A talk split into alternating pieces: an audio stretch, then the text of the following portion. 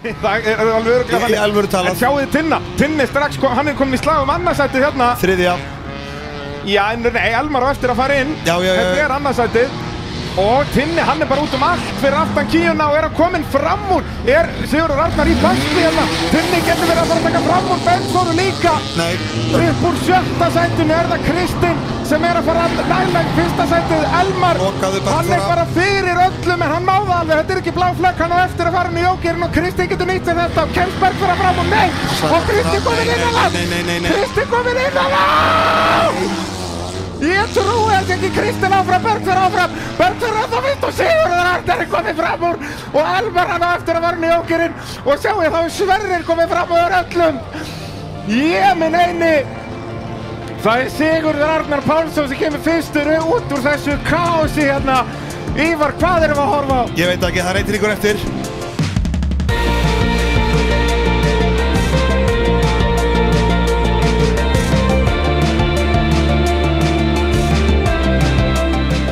Jú komið þið sæl og blessuð, Bræði Þórðarsson heiti ég og þið eruð að hlusta á Motorvarpið í 127. skiptið í Nóa Sirius stúdíói podcastaðarinnar í bóði AB Varahluta Bíljöfurs, Bílapuntsins, Ólís og tækjaflutninga Norðurlands og uh, svona má nú alveg segja að eitt styrtaræðileg þáttarinn sé nú bara motorsport.is þar sem að uh, allir, allt þetta ásamlega fólk sem búið að kaupa ársáskriftina þar uh, já, er að hjálpa uh, þessari þáttagerð minni bæði hér í podcastinu og sjónvarpinu og svo að sjálfsögðu beinu útsendingunum. Nú, uh, efni þáttarins í dag er önnur umferð Íslandsmeistara mótsins í rallycrossi sem að fór fram núna fyrir einn og hálfur viku síðan og þá er að sjálfsögðu mættu til mín í Nóa Sirius stúdíóið Ívar Örts Márásson sæll og blessaður. Blessaður Það er náttúrulega gengur ekki að fá okkur annan hingað ef við ætlum að tala um rallycross. Nei, þetta verður nú skemmtilegt e- eitthvað tíman ef að, að rætist úr því sem ég er búin að reyna að gera í tvö ára ef ég ætla að fara að keppa sjálfur Já, það er, sko, þú veist það náttúrulega ekki núna en ég er alltaf að fara reglulega upp í skúrtiðin og og skera á alla bremsuslöngur og eitthvað, ég má ekkert missa að þú er stúdíóinu. Nei, nei, nei, nei, nei, nei, þetta er svona afsökunin sem að ég, ég er sannlega svo eini sem er með sko bara svona fríðarkindil, ég er bara Já. svona rjómaegg, það má enginn stríða mér að ég sé ekki mættur. Já, þú ert náttúrulega eins og þú orðaða sjálfur, þú ert með fjölmiðla, fjölmiðlasamning. Já, og verða að standa við hann. Já, það en- er bara því með reglur og reglur. Ég held að þetta sé mitt rétt hjá þér sko að Fólk, þegar þú segir svona "Æ, Nei, þú veist, það er fínt að vera í beinu útsendingunum og eitthvað Þá kemur fólk svona Já, ok, jú, það er þetta mjög gaman að hafa þetta Þannig að þetta er Já, svona ég veit Þú ert það. með svona, eins og þú segir svona Já, en ég laka bara svo tilumlega ef ég næja að vinna keppnið þú sko ringir í mig í beinni Já, hérna inn í heyrðu. stúdíónu, það væri nú alveg skemmtilegt. Jú, er það Ívar, sætla blessaður Þú, þú, þú varst að vinna kefni Já, ég veit maður. En, Þá, þá verður að púlla það að eins og við höfum aldrei talað saman áður Já, Þetta já, sé já, alveg já, já. bara, já, bræði, jú, sætleir, ég hef nú hlusta á þóttiðin eitthvað þarna. Flott efni á þér Já, þú er glæsilegur Nei, nei, þetta er fínt svona, hvað á maður að segja Þetta, þetta er fínt svona afsökun fyrir að vera latur Já, Líka. og sko núna þriðja umferðin eh, framundan er núna hvað 9. júli á laugadegi, verður skemmtileg tilbyrðing og hérna þá langar okkur að fara svolítið ól inn í útsendinguna sko Já. Að- að hérna að hafa þig á brautinni þá þannig að við erum bara alltaf með viðtöl eftir hvern einasta riðil Akkurat verðum með þá tvo í útsendingastjórn þannig að við verum, getum verið með replay og grafík og, og allt upp á topp þar þannig að það verður í raun aldrei döður punktur þannig verður alltaf annarkvort viðtölu á þeirri eða replay frá því það sem var að gerast og, og svo framvegis Akkurat og svo reyna jafnvel að henda í bara dróna og stemming sko, að geta verið með þá svona FPV dróna sem að bara eldir bílana eins og við sjáum bara í Nitro rallycrossinu sko á Viaplay Það er enda alveg ógæðslega kúl Já, út af það er í fyrsta skipti í motorsporti svo ég viti, fyrir utan kannski rally sem að ég sé drónaskot sem að eru useful, Já, sem, að- já, sem er akkurat. sem sagt, eru rauninni betra heldur um myndavélarnar, þú veist eins og að sjá startið og fyrstu beigju frá dróna sem er aðeins fyrir aftan og fyrir ofan, að mér finnst það eiginlega betra heldur en myndavél á jörðinni sko. Já, að þið verðum bara komin þú veist, að, svona fram að því sem að maður hefur séð þangað til svona, kannski núna allra nýjastlegasta, er þetta bara svona til þess að búa til cool can block myndband Já, þar sem ég þú segi notar það. bara hálfa sekund úr klippunni skilur mig eitthvað þannig Já, með og að bara eins drónin er og að við fljúa gerum fram í hjá torfærin og svona, þetta er yfirleitt bara svona beauty skotin á milli, skilur Akkurat sko, en, en ég segja með eins og með nýtrásöku, þetta er ógeðslega cool Mega og líka bara cool. gefur þér svo, þetta er bara, já, gefur þér einhvern veginn svo allt annað vinkil þú ert að horfa á þetta sko Já, Já, og eins og segja, bara er actually useful En þú veist, síðan náttúrulega eftir fyrsta ring er þetta orðið basl, þú veist, þegar það fara að dreifast aðeins úr bílónum Já, sko, þetta en- er aðalega starti sko En okkur langar að prófa þetta, við sjáum til, ég ætla nú, get nú ekki lofa drónanum en, en uh, ætla að fara svo langt að lofa til hinn og að, að, við, þú verður á staðnum, ég fæði þá einhvern annan með mér í stúdíóið Já. og hérna reyna að step it up in nuts hérna, til að líka bara Já. hita upp fyrir redneckin, það verður náttúrulega redneckmóti verður, það verður öllu tjálta til, Já, það er bara svo leiðis það var, var allt það er eh, nákvæmlega svo leiðis Já, maður þess að Davíð Oddsson verður á staðnum Það verður öllu tiltjaldað Ætlaði Davíð að vera á viðtölunum Já, já, já, ég ætla að fá hann á mækin Hann er þetta með krullunar og jakkafötunum Heyrðu, það getur ekki klikkað Það getur nefnilega ekki klikkað Heyrðu, eh, eigum við þá ekki byrja að fara yfir aðra umferðina Eh, Best að byrja úlingaflokki þar sem að þetta er keirt í þeirri röð og þar voru við nú með bara talsvert mikið af, af nýleðum Alveg bara heilan haug Já, uh, mesti skellurinn eh, var fyrir Gretar Jóhannes Evaldason við svo ekki nýliði, kefti í fyrra Já, já en mætti til leiks núna á Ægó eða ekki Jú, Ægó og- Þegar Súbarun fór í eh, apaskít Já, í rætnæknum í fyrra Já, já e, og það byrjaði nú ekki betur á, á Toyotunni Nei Hún fór eiginlega líka í svipaðan abbaskýt bara þarna strax í fyrsta riðli Já, hann velt honum bara svona leiðilega illa sko Já, en hann fer þarna, er þetta ekki hvað, alveg einn og hálfur ringur, eða er þetta bara einn heill ringur, endar hann á hjólunum, ég Er manna þetta ekki. ekki einn og einn fjórði, einn og kvart Jú, eða þú veist, jú. þannig, á hliðina Og á náttúrulega malbyggjum eiginlega, sko, Já. þannig að þetta eru þungkökk, Að sko. Ah, þetta eru svo miklu skellir sko Þannig að, og þeir náðu ekki að gera við Toyotuna, þannig að hann kemur henni frá keppni bara með 0 stig, náðu ekkert að kera veldur eins og segja þarna í fyrsta riðli. Þetta leit nú ekki sérstaklega vel út þarna í fyrsta riðlinum í úlingafloknum, þetta var bara, hvað voru, þrjár veldur í fyrstu þremur tilrunum? Jeps, og við vorum nýbúinu líka að vera að tala um sko að, að unglingarnir væru með langflottasta reysið og heiðarlegasta reysið og svo bara, herri, halló, við glemdu greinlega að gera 7-9-13 hérna Já, þetta var dottið aftur í svona 2016 úlingaflokkin. Já, þetta var orðið svolítið þannig sko, þetta byrjaði vilt en svo, og maður var svona, er þetta kannski, er, er þetta of mikið að hafa svona marga unglinga, en svo síndu er það alveg að þeir eru gegg, bara, allt þetta, allir þessi fallegu krakkar eru geggjaða kappasökumenn sko, Já. þetta gegg dagurinn bara sér í sögu, þeir voru búin að Aðeins að hrista slípa svona, sig til. já, þannig í byrjun En sko. þarna náttúrulega vorum við að reyna að keira fleiri úlingabrautin en við höfum gert áður Já, Út það af hafa aldrei því verið að- svona margir, sko. Ég segi það, það voru þarna Það hvað er mörg. Mhm. átján úlingar skráðu til leiks Og þá splittum við þessu bara nýju og nýju Já, Sem að ég held að þetta er þá greinlega bara rallycross regla Að það eiga bara að vera átta úlingar á brautinni Ég held að þetta væri bara eitthvað svona fyrir ofan, bara eitthvað Já, landslög ég, ég einhvern veginn sá það alltaf þannig fyrir mig, sko, Já. sko, að það væri málið, sko, að En því, það er að því greinilega þau eru ekki. bílbróðslaus að þetta væri kannski inn í klausinni, sko. Já. En greinlega ekki, þetta Nei. er þá bara rallycross regla Þannig að keppnistjórn hefur vald til að Akkurat. overrúla hana Og það er náttúrulega bara snild í staðin fyrir að skipta þessu upp í þrent Þó að skipta þessu upp í þrent hafði alveg verið skemmtilegt og Þá hefur við fengið hvað sex í hverju holli Akkurat, sko. Þannig að það er líka alveg leikandi nóg Og þá náttúrulega hefði þetta líka verið svaka erfitt bara að komast í úrslitin Þá, Akkurat. þú veist, ef þú ert í þriðja sæti í öllum reyðlum Ert ekkert endilega garanteraður í úrslit Nei, langt í frá. Þannig að Þetta var bara, já, það hefði bara verið rosalega barndagi eins og við vorum búin að tala um náttúrulega fram að hana. Við heldum þetta yrði þannig, sko. Já, og eins og við sjáum bara núna Þú veist, ótrúlega góðir ökumenn sem að komist ekki í áherslit núna Akkurat. En uh, það er eins og það er uh, Lísa Maria Erlendsdóttir uh, mætti til leiks í sinni fyrstu rallycross-kefni Beint á toppin. beint á toppin og end, Tvisvar. endar á toppinum líka Akkurat. þetta, svona, bara fínt að klára þetta af hún veltur hann á tvisvarsinnum og uh, léttljúfa kátt Akkurat, bara svona, svona greinilega, svona dótti pappasins Já. mætir inn í sporti með látum. Erlendur náttúrulega í opnafloknum uh, pappennar, mjög lítrikur karakter í rallycrossinu, óvænt að segja það Einn af okkar uppáhalds. Já, þannig að stigasöfnun var nú ekkert frábært hjá, frábær hjá Lísu þarna, fær sjö stig út af hún náttúrulega fær núl stig í fyrsta riðli og svo í úrslitunum Akkurat. þannig að, en, en er að safna reynslunni á áhugaverðan hátt Akkurat, þess að Og- í rauninni, maður sá það alveg á klippunum af henni, þú veist, hún var aldrei, aldrei hrætt við að slá af eða neitt svona, maður sá grimdinir öll átna, en nú, van- það vantar bara æfingu, bara að æfa Já, meira já. og meira, þetta er bara reynsluleysi held ég sko. En ég vill alltaf meina það að þetta sé hraðari leið Já, á, á já. toppin, þar að segja toppin á stigatöflunni Ég er sammála því. Þannig að ég er spenntur að sjá hvað Lísa gerir, þú veist eins og nú erum við að sjá sörurnar tvær til dæmis að fara í hináttina Að fara að byrja hægt og byggja upp að hraðan og byggja, byggja, Mhm. Akkurat. byggja Að þú veist, eins og bara í redneknum, hvernig verður Lísa í slagnum við Sörum Áni og Sörur Rún? Akkurat, Verður hún komin upp að hliðera eða verður hún ennþá fyrir aftan? akkurat, sko, veist- þreim ónýtum aðeins setna. Já, ég segi það, þá er gott að verðlend sem pappa sem að græja þetta bara Akkurat, sko. og Sörnar hafa engar afsökan en það líka himmi græjar, þú veist, hann smíða rallycross bíla bara svona setnipart af fyrstu þegar ég seti skemmtunar Já, bara í kaf, setna kaffi. ég setna kaffi Já. þannig að, að í svona áhugavert að sjá uh, unga stelpu taka þessa leiðina bara alveg óhrætt og, og hérna Ég Mhm. bara Kannski að gaf keyra- ekkert eftir, ég segi maður sá það, sko. Keirir svolítið 110% bara en, en þá getur verið auðveldar eða kannski hraðar að dæjaleg sig niður í 100% Akkurat, sko frekar en að vinna sig upp í 100% þannig að Nákvæmlega. það verður áhugavert Já, það verður gaman að fylgjast með henn allavega sko. Ma- því maður sér það alveg að svona sem mætin í sportu með bombum Já. þeir keppendur, þeir eru yfirleitt mjög gaman að fylgjast með sko. Algjörlega og, og sérstaklega eins og segja það ef, ef það er bakland þarna eh, hún náttúrulega með pappa sínum og, og flottu liðin þar Ah. Akkurat, þannig að þá kemst maður svolítið upp með þetta það er alltaf leiðilegt að segja okkur taka þessa leiðina og svo bara hætta á þetta það er allt í skrúinni já bara eins og strákurinn sem komast í retnekinni fyrir hérna með Lexa þú Já. veist á guðlægjarasnum skilur, Akkurat. það er svona strákur sem maður hefði vilja sjá meira að því maður sá, hann hann var, hann var, var opposist hraðið þar maður já, hann var náttúrulega að kera allt og hratt með hvað hann reyði við, en hann var með svo flotta takta Já. samt maður sá það alveg bara, wow, þú ert potensiali að verða geggjaður aukumæður það leindi sér bara, maður sá það strax línutnar alveg réttar og bara svona en bara, sjálfsög þetta 15 ára barn hann, Já.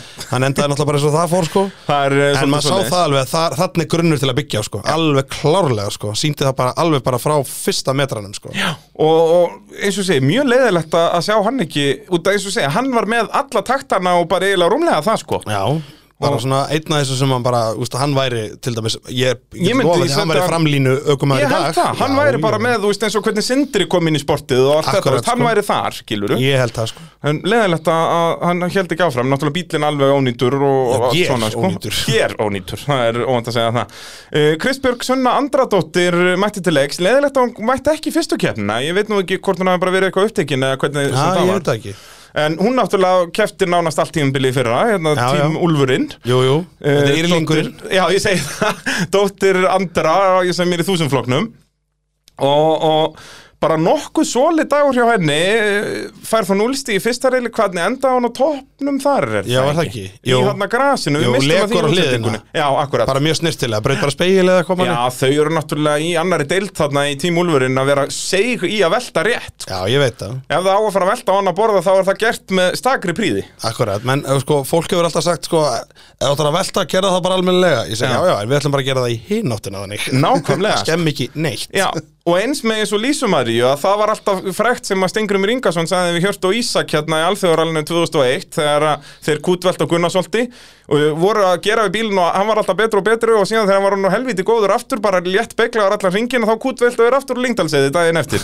Nei, bara setna, setna þann dag Já. og þá segi Stengrumur Ingarsson þegar þeir Hjört og Ísak alveg bara Ó, þetta er allt svo glatað maður á Stengrumur, heyrðu, þetta er bara mjög smart hjá ykkur nú, þú eru náðu að velta tvísvar en þú eru bara að gera einu sinni við bílinn Akkurat, heldur en Þannig að Lísa Maria, hún er með pötun á púlsinu með þessu, sko nákvæmlega Þau eru ekki að mæta með allan nýmálan og fínan í næstu keppni Já. og æslunum aftur Nákvæmlega Takk þetta út í sömu keppninni Eina vitið uh, og Kristbjörg, já, uh, endar þarna tiltölu aftarlega í uh, P-úslutunum, fær 12 stig til Íslandsmeistara og sömu leiðis Helena Ósk Elvastóttir, hún náttúrulega kom að mig minnir eiginlega alveg stigalaus úr fyrstu umferðinni, þá datt hún út var það ekki í fyrsta riðlega, Jó, minnir hann að jó, fengið kerði alveg heldur 0 bara stig fyrsta reyðilin Já, með minni það En fær 12 Það kom stig eitthvað upp núna. að bílinn skemmtist eitthvað Já, hún lendir í smá hérna árakstri og, og það var greinlega nóg til að að- Já, hann var eitthvað svona Hvort það var meira eitthvað- heldur en virtist vera fannst mér, Já. en hann var svolítið skemmtur ég man ekki, þetta er svo mikið að bílum að... Já, þetta var annað, þetta er sérst hvíti og fjólublá Já, já, ég veit, ég veit, ég veit, ég, Já. ég man eftir því sko ég man þegar hann tjónaðist þarna, þú veist, þetta var svona meira en leit út fyrir að vera sko Akkurat, akkurat þannig að keirði hún ekkert meira síðast En uh, næra keira alla kemni núna fyrir utan held ég bara þriðja riðilinn, riðilinn þá lendir nú í einhverju basli uh, að samkvæmt mínum gögnum allavega uh, þarf ekki endilega að vera rétt en fær þarna 12 stig og er bara að sapna reynslu í banka Já, já, alveg klálega sko Það er bara svoleiðis uh, Svona eini skellum þarna er að, er að það eru þrjár stelpur í síðustu sætunum Þetta, þær þurfa að fara að rífa sig í gang Já, nákvæmlega En það náttúrulega kemur uh, að því að það eru, þetta eru allt nýlegar fyrir utan náttúrulega Kristbjörgu en, en bæði Helena og Lísa, Lísa náttúrulega í sinni fyrstu keppni og Helena bara í annari keppni, basically í sinni fyrstu út og hann kerði bara þrjá Akkurat. hringi í fyrstu keppninni. Uh, Björn Vignir Ingason uh, mættur til leiks í rallycrossi hans fyrsta keppni, sonur Ingamás Björnssonar torfærukappa Já, sem á bombuna Akkurat, Já. uh, var á mörnum hérna í gamla dag, heimsbyggarmeistari 97, ég verð að segja þetta hvert einasta skipti sem við tala um Inga Má og hérna, eh, virkilega gaman að sjá uh, Björn í, í rallycrossinu og hann var með flott að takta Maður Bara- sá það alveg strax Já, var það ekki, það var strax bara í fyrstu reilunum sem hann var að berjast bara um fyrsta sætið og, Já. og hérna, en endaði alltaf, þú snáði aldrei að halda því, gerði alltaf ykkur smá mistök Akkurat sko en hérna, er ánefa að taka þessa hina leið sko, að byrja kannski aðeins að yfirkeira og, Akkurat, og, sko. og, en komst náttúrulega merkilega upp með það í þessari keppni var, hann velti nú ekkert og stór tjónaði nú Nei, nei, ekkert nei, mikið. nei, nei, nei, bara svona, þú veist eins og ég segi, þú veist að hraðin var meira heldur en bara, þú veist, reynslan er, skilur við Akkúrat. Ég ætla ekki að segja hæfileikarnir heldur bara, þú veist, það sem, að, það sem er komið í reynslubankan er ekki nóg, Já. fattar mig, það vantar bara svona, svo sem kemur bara án þess að, án þess að hann eða hún eða hvernig gerir sér grein fyrir því, Já. þau þau bara byrja að slípast svo hratt, sko. það bara byggist hrattu Akkurat, sko, En þannig að það vantar bara meiri náttúrulega kyrstu þarf uh, og til þess að ökuminn auki hraðan þarf náttúrulega eh, sest hausin á verið réttum stað þú þarft að vilja bæta þig Já, já. Þú veist, þú- þetta gerist aldrei sjálfkrafa alveg Nei, nei, nei, nei, þú veist, nei, þú nei, nei. verður alltaf að hugsa, heyrðu, hvar er ég að tapa þessari sekundu? Akkúrat, Þú veist, og skilur. skoða þá, þú veist, nú, nú erum við með beinar útsendingar og allt þetta, það er hægt að skoða þetta allt í þaula og flestir komið með yngarvél og allt þetta, þannig að það er hægt að sjá bara, heyrðu, nei ég er sekundu hægari í gegnum þessa beigju heldur en samkefnin. Akkurat, sko, Og þá ég maður bara- bara eftir því þegar ég var að byrja Ég horfði bara, ég hugsaði bara Hvað er hann að gera sem ég er ekki að gera? Já. Skiljum, og þá horfði maður bara á það Já, svona lærði maður, skiljum Svona prófaði maður sér bara áfram bara sjálfur En þarna, þú veist, þarft að hafa metnaðin í það, skiluru Já, ég Eins sammála og því. segja, ekki bara treysta á að þú verði bara hraðari, skiluru Akkúrat, sko. Út af mér finnst við alveg vera að sjá nokkar ólinga Svolítið standi í stað núna sem eru búin að vera í þessu í í talsverðan tíma Já, já, Að, að, þú veist, við sáum bætingar þarna eftir aðra þriðju fjórðu keppnina En svo einhvern veginn kannski ekki mikið meira eftir það akkurat, bara svona kannski hægt og smá Eitthvað svona, Já, skiljum svona, og eru orðin betri í að lesa aðstæður og svoleiði, sko, en kannski ekki endilega hraðar á brautinni, skilur. Akkurat, sko. Og þarna vantar er það bara í rauninni, já, eiginlega, já, metnaður myndi ég að segja. Að, ekki það, ég er ekki að segja að þau séu metnaður laus, Nei, nei, nei, en nei. bara, þú veist, það vantar þetta auka, herðu, ég vil vera best, ég vil vera bestur. þú veist. Akkurat, sko Að, að það er alltaf auðvelt að segja bara, herðu, nei, nei, ég keri bara mína keppni og, og Já, sjá hvað já, gerist. ég veit það, skilurðu. sko En það er náttúrulega sumi sem líka bara finnst gaman að gera þetta á sunnudum, sko Já, svo er það náttúrulega líka, það er ekki allir að sneldu vitlausir og við vorum hérna, sko. En nú máli, sko, sem alltaf sér að vera bestir í heimi, sko Já, en uh, Björn Vignir, hann náttúrulega endar á að vinna sín úrslit, hann er þannig í B-úrslitunum og Já. vinnur þau eftir enduræsingur, þannig að var það ekki Valdimar Kristinn á græna sem að vann, eða var að vinna áður en það var Jú. enduræst, með minni það, var með til dælu örugt fóskot uh, Jú, kemur svo þegar vel Lísa undan María startinu veltur, já, Já, ég held það síðan veltur Lísa María þarna bara á þriðja ringirunni Já, og, og þá þetta er keyra enduræst aftur. og, og Björn Vignir nýti sér það svo sannarlega og fær hann 8 stig í úrslitunum og er því komið 15 stig alls í Íslandsmótinu Akkurat Uh, Valdimar Kristinn Árnason, uh, annar nýliði í þessari kefni á sem sagt græna, við köllum hann alltaf Jaguarinn Já, mér skilst að þetta sé sko John Deere græn, ekki Jaguar Já, það er Hann vill svoleiðis. eitthvað svoleiðist druslur bendlar við sinn bíl eitthvað brest sull Akkurat Hann vill bara, þetta er eitthvað traktostrákur sko Já, og, og virkilega flottu bíl Ekkert smá. Mhm. uh, flotta styrtaraðila þarna og, og allt snirtilegt og töf Akkurat og hérna, bara virkilega gaman að sjá svona útgerð mæta þarna og, og Valdimar eins og Björnvignir að koma virkilega sterkur inn í sinni fyrstu kefni mjög sko bara virkilega gaman að sjá það og, og hann uppsker hann 20 stig er í öðru sæti í, í úslitónum en er svo hann solid í sínum riðlega alltaf í þarna svona fjórða, fymta sæti Akkurat sko og, og svona ekki jafn viltur og björn fannst mér Nei, nei, nei, nei. Kristján var svona að, nei, Valdimar var aðeins Já, rólegri, fór sko. minna fyrir honum en árangurinn eins og þú sérð á skjælinu segir samt sitt sko já, já, í bara, þegar þú ert með svona lítið í bankanum en ert samt farin að koma þér á fremstu línu það er strax mjög vel gert sko Já, heldur betur og, og verður gaman að fylgjast með þessum tveim uh, núna í, í næstu keppnum og eins og ég segi, næsta keppni 9. júli Akkurat sko Og náttúrulega fyrir þau ykkar sem að vita ekkert hvað við erum að tala um að endilega skella sinna á motorsport.is og, og fylgjast bara með keppni þar því að allar útsendingarnir eru ennþá þann inni og, og hérna eh, alltaf gaman að horfa það aftur í tíman þó að sé ekki í beitinni akkurat núna Akkurat og flott uppbyttur náttúrulega fyrir 9. júli það sem ég segi eh, enn og aftur þar verður öll tjálta til í, í útsendingunni Nákvæmlega, sko, en til að tala hans meir um hann, sko þá kom hann að fréttagreinu minna strák, hann var að gera upp dráttavél bara þú veist 12 ára Það er svoleiðis Sástu ekki þessa grein? Nei? Hún Var, hún var svolítið deild um, ég man ekki hvað aldurinn var, sko, ég Já. man bara svo vel eftir þessu Þetta er bara,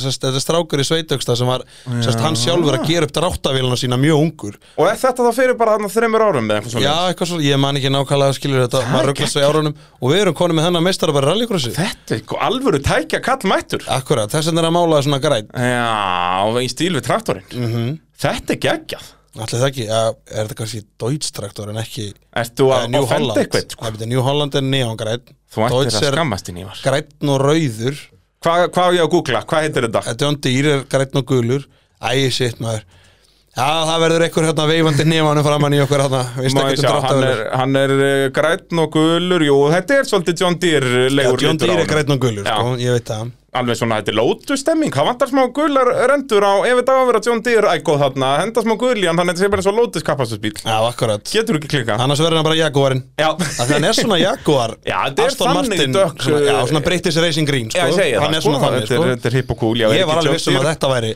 Mér svo fyndi bara, að vera að stæla þarna kappastis Breytir Já, racing já. green, nei, nei Þetta Nei, er nálega eftir þetta er dráttavel traktor.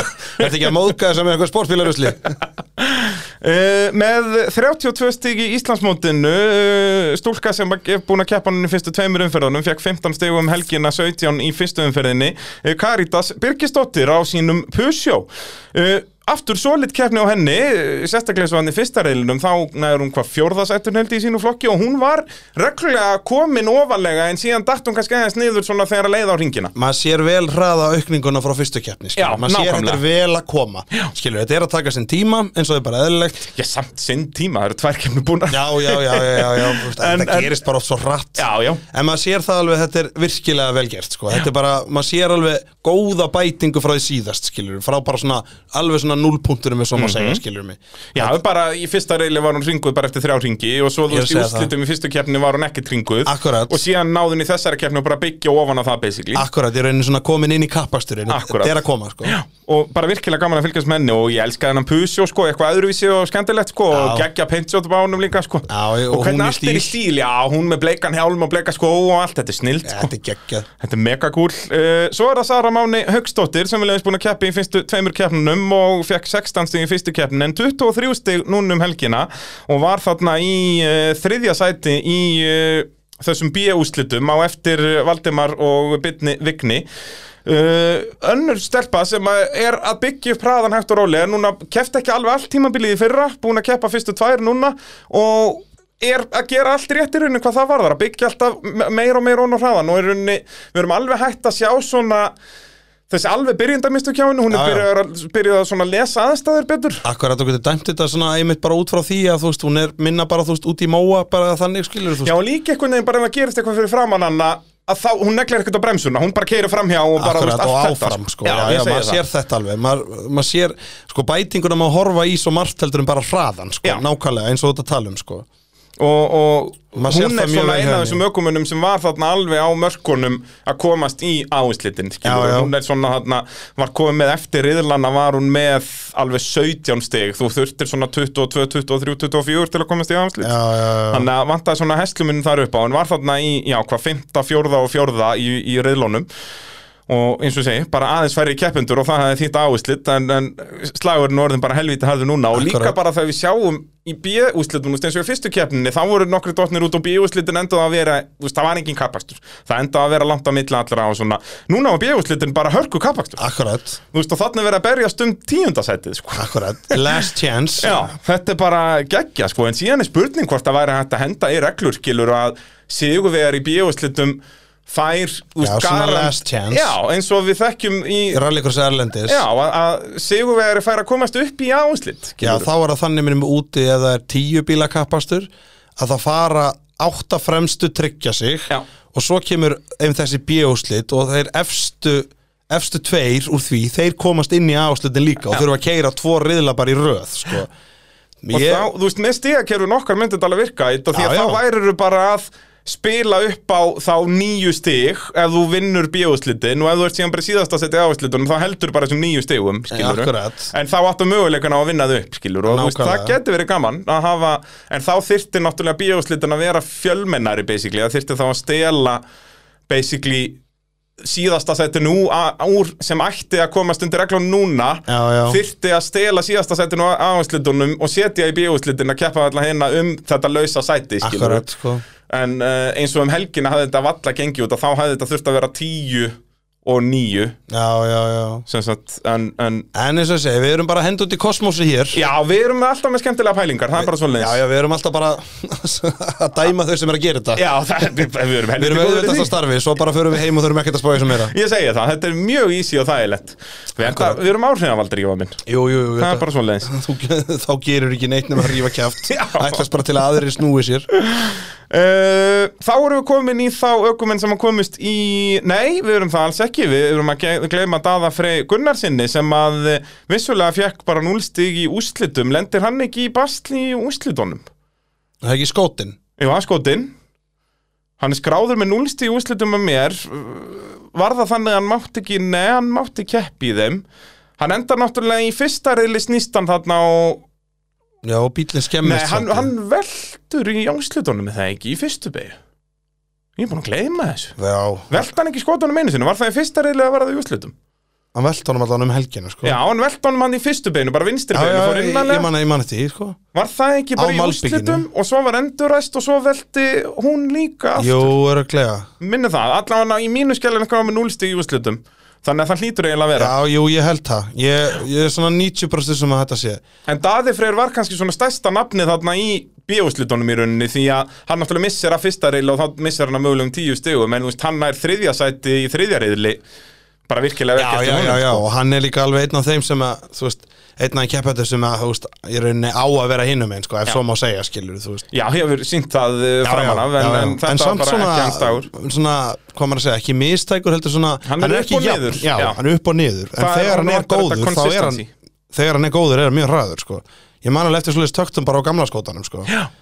Og, og það virðist vera að svipa núna og það sést svolítið á stigunum í fyrstu keppninu fær hann 36 stig, núna bara 11 en er það komið 47 uh, akkurat, og uh, já, var hann í ás... Nei, hann var ekki í áslutum held ég Nei, nei, Ég nei, er nei, nokkuð nei. vissum nei, nei, nei, nei uh, Arnar Búi Sæfason, hann komst í áslutin já, Ég held að er skjali hann mér sér rétt byrst afsökunar ef ég er að bylla eitthvað uh, Arnar Búi Sæfason í sinni annari keppni uh, kemst í áherslitin uh, endar þar í þó bara næst síðasta eða síðasta sæti ef ég mann rétt uh, en það- allt er rétt á þeim bænum já, já, alveg klálega í keppni nummer tvö og komin þangað Já. það er bara virkilega vel gert og síndi það einmitt í fyrstu keppni að þetta, þú veist, við sáum það svolítið strax í fyrstu keppni að, að hann mun vinna sér hratt upp stegan Akkurat, sko, maður sá það alveg líka þú veist, hann, hann komst ekki bara í aðslitina því að einhver annar aðurum gekk illa skilur, hann vann sér alveg inn fyrir þessu sko, Já, færur, þessu ef við sjáum stíin í riðlórum sjöstig í fyrsta riðli, áttastig og áttastig þú veist, tvö Akkurat. þriðasætið þarna, skilur Mm, virkilega flottur Já, og, og átti fullan rétt á, á að komast í úslitarna. Það var reyndar mjög áhugaverð skipting í riðlana. Annar riðillin var miklu, miklu erfæðir heldur en hinn. Já. Þeir voru einhvern veginn mjög óhefnir í, í tímatökunum. tímatökunum, um að- svona gerist þetta bara stundum sko. Ég, það er akkvæmt máli, þegar það þarf að skipta þessu. Þessi, þú veist, úlingaflokkun, þetta er svo mikil snilt, sko. Já, ég veit það Bara, En það eru við alltaf lengst þeirra að þræða yfir það Jújú, jú, þetta eru flesti keppendunir En þetta er líka bara Þetta er það svona mest að- áhugaverðasta- Já, akkurat, að brjóti þetta upp sko. Já. Það er mest að tala um þaðan að Því við erum ekki bara að tala um að þessi súpar á við svona mörg kastöflu eða eitthvað skilur að því, Það er ekkert merkjöld að tala um bílana nefnum bara þegar kemur Já, þessi sem er á skótanum já, Þessi eða sem er á hérna pusjónum. pusjónum Já, já, en þú veist, við erum bara alltaf að tala um ökumennina sjálfa. Akkúrat. Þannig á það náttúrulega verið. í þessu. Ég veit það, Þannig að þetta er bara ekta alvöru kappakstur og það gerist náttúrulega með þessum fjölda keppenda. akkurat Og allir ás, bara jafnbærettis grundvelli með þessa bíla sko. Mm. Ég vil bara sjá úlingaflokkin bara fara í 30 bíla og það, úlingaflokkun verður bara laugadegi og svo kemur keppnin á sunnundegi, Það þess væri að geggjað. restin á Bara sunnundegi. 10, 10, 10 Já, já. Það væri Og geggjað. hafa þetta þá bara svona heat races eins og eru erlendi skilur að það er, byrja bara alltaf fjórum fjórum undir fjórum eða þannig Já, og þá já. er þetta bara tími þannig að þá getur þú grætt á að ef þú ert í hraðasta hítinu endar í þriðjasætti í hraðasta hítinu gætur verið í þriðjasætti overall út að það hít var svo miklu miklu hraðar en allir hinnir Já, já, já, Þú veist, og, og síðan er syngað, ert að sapna stigum út úr öllum þessum hítum og þá er farið í semifinal og final það væri rosalegt sko. Já, það eina sem við þurfum í raun að gera til þess að gera þetta væri að klóna lindu í svona Já, sex þyrftum- mismöndi einstaklinga Já, og þá er þetta rocksolid held ég lindu, ara og fleira Já, þurft að klóna þau í, í Við erum komin með nóga bílum og, og græjum og svona, nú þarf að klóna mannskapinn sko. Akkurat Þetta er ekki flókið manna Það er ekkert mál, ég menn að það er búið að klóna kind Ég segi það Lítur að Er vera að búa ekki- til eina lindu og einn ara Er ekki eitthvað hlustandi sem er með klónamaskinu staðar í kjallaranum og getur eh, nákvæmlega. heyrt í okkur Akkurat Við þurfum að græja þetta Það er bara rallycrossið depends on it Já, eða bara keppendunni frá sunn, á sunnudeginu mæta þarna og svo bara unglingarnir á laugardegi Já Heyrðu, það var reynda virkilega En gott sjónvarp. keppendunni verður aldrei tilbúnir Nei, það er eh, Bara parkfara með á laugardegi Já, öllum. það verður bara að Bara- vera, hann verður að vera tilbúin að löga deg þú verður að mæta um bílinu upp yfir hvort sem þú ert að keppa söndaginum Já, er það ekki bara, þú mætir bara með bílinn og, og Það er hann er allt hægt, sko. parkverð með, þú mátt ekki snerta hann en þú verður að mæta sem starfsmæður Ég segi Mhm. og öfugt, skilur þannig að þetta væri í rauninni þægilega fyrir úlingarna og ætti að vera það að þau eru þá í frí á sunnudeginum og mæta þá bara með oltinn bíl upp á braut ef að, þannig er staðan og meðan að fullotna fólkið missir þarna 8 tíma af undirbúningi Já, já. En, en þau að bara hafa vind á því að vera búin að undirbúa sig nákvæmlega, sem er náttúrulega fárálegt að segja í rallycrossi en svona er staðan og þú Það er veist, auðvelt þetta, að gæti, segja þetta. þetta. gæti verið En- lausnin já, já. ef að úlingaflokkurinn heldur áfram að stakka svona akkurat skilurðu. þá, ég meina þetta er svona eins og ég segi, pæling út í kosmósi fyrir framtíðina ef Já. við förum þanga því, já, þú veist, þetta- þetta er orðum á mikið þetta er orðið, það að vera, þú veist, maður sér bara á áhörnundum sem mæta á staðinn að þau eru byrjuð að trítla sér heim fyrir úslit já, já, þetta fólk, er þú bara veist, casual áhörnundin er ekki að horfa á þetta til sjö um kvöldið skilurðu. Nei, ég veit að þetta er bara, það, og það, þetta er bara luxus vandamál Já, sem við 100%. búum yfir en vandamál sem slíkt samt sko. Já, já, Þetta vissulega eru svo mikið af lúksusvandamál fólki. en, en hérna, en eins og þú segir, vandamál uh, nonetheless En og, það er og- bara málið sko að því líka að því við erum að keira þetta með í rauninni og ég er ekki að segja það að ég er ekki að keira þetta þannig en út af þú veist, jókerringnum Mhm. þá verða alltaf allir að vera búið með jóker eins og að sé hægt að klára hítið Já, bara út frá ekki- endurræsingu Já, ég segi það, þó þessu verður ekki Mhm. Það þarft ekki að endurræsa þegar það veltur ykkur að því náttúrulega við stoppum alltaf keppninu náttúrulega að sjálfsögðu þegar ykkur veltur Já. þannig að þetta er svo erfitt í rauninni að þú veist það er svo erfitt að spá fyrir um þetta sko en það er náttúrulega bara eins og torfaran og fleiri motorsport skilur og þú veist og ég meina bara formúlan og bara nefndu það Já, já. skilur allt, allt gerir þetta byggt á, tö- getur þetta byggst á töfum eftir veðri vindum og keppandafjölda sko en ég meina við viljum frekar þetta heldur en að séum ef við förum þú veist það sem við náðum þú Þrír veist bílar í ekki flokk 15 bara. bílum Já, akkurat já. í heild skilur Og brallin einn í úlingaflokki að spóla, en það nenni því enginn Nei, ég er að segja það, skiljum þú veist, þannig að þetta er alveg luxusvandamál Já, sko. 100% og, og eins og segir, þetta er ekki orðið eitthvað sem að þarf að fara að leysa núna, skiluru Nei, nei, nei, nei, nei, En nei. ef við sjáum það til dæmis í vetur bara, heyrðu, það er að bætast við aðri fimm úlingar Akkurat, Ah, að þá geti þetta út af ímyndali hvað það var í skemmtilegur lögadagur að það var bara úlingaflokkur Já, og ég er það væri þá sammála. búið að setja regluverk þú veist, þannig að það væri heat races og þú veist, það væri þá ekki tímatökur endilega heldur bara að fara beint í heat races og raðið upp í það bara eftir Íslandsmótinu eða hvernig sem það væri og, og svo, svo, svo farið í semifinal þar sem væri þá 8-10 bílar og svo, já, tvö þetta er mjög semifinal áhugaverð pæling, sko þetta væri rosalegt sko Já, því þetta er svo, þó þið séu all minnstu bílunum, þá er mesta reysið Já. sest, yfir heildina Ég segi Þó það það. kom oft góð hít hjá hinnum Og þá eins og þú veist eins og umræðarnar hjá okkur núna er alltaf, við erum alltaf að tala um hvers konar ökum en hver, ök, hver er, skilur Akkurat, Að svona sko. heyrði, já, hún, hún er svona eh, yfirveguð og er, keirir þessar línur en hann er svona alltaf í kontónum, þú veist, að meðan í opnafloknum erum við ekkert mikið að velta okkur upp á þessu. Nei, nei, Út nei, af það er eiginlega ekkert bara tími til þess. Nei.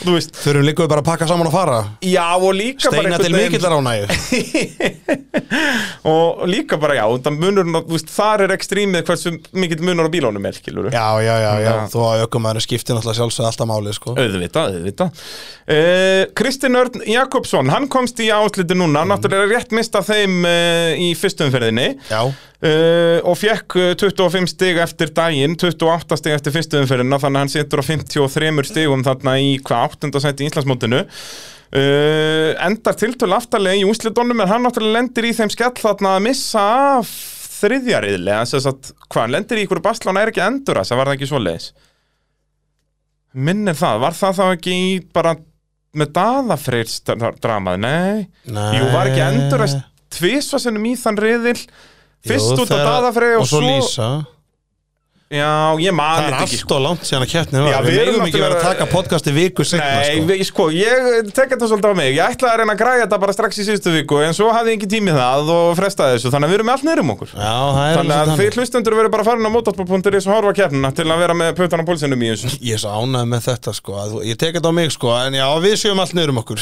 Tekum mig samt sko með refsingu Au- Auðvitað, það er við sem erum allt niður um okkur Þó ég, það var þetta sem ég er að kenna En uh, það er bara þóliðis Já, já, ég náttúrulega hef aldrei neitt að gera Það er alltaf tilbúin Já, aldrei þú ert bara hangir heima alltaf dag Bara lappirnar upp í loft og bara Er hérna lagður í eitthvað stúdíó með vörubílum einn fyrir utan Og býður eftir að komast heim núna svona Já, þú kemst nú heim sennilega fyrir 11 Já, já, áður en að Dominus lokar að þriðdagur Búm, heyrðu, þetta er besta hugmynd sem við nokkuð tímann heyrt Jip Heyrðu, hérna, já, Kristinn Örn uh, áhugaverður keppandi þar sem að er vissulega byggjum bara hann hann náttúrulega kefti var það ekki bara þrjár keppnir í fyrra? Já, mér minnir að það þegar við vorum að gera upp árið í fyrra þá var hann með svona með þeim minnst eða þannig Já. sko þó hann hafi verið þú veist, búin að Allt leiða árið, riðil sko. já, skilurðu. já, já, já, akkurat og, þú veist, og hann er einmitt oft með þessa takta þú veist, eins og hann er í öðru sætti fyrsta riðli s- sem síðustu helgi já, skilurðu. já, já, ég man eftir Þú því veist, hann, hann kemur alltaf með þetta en er ennþá pínu svona upp og niður okkur maður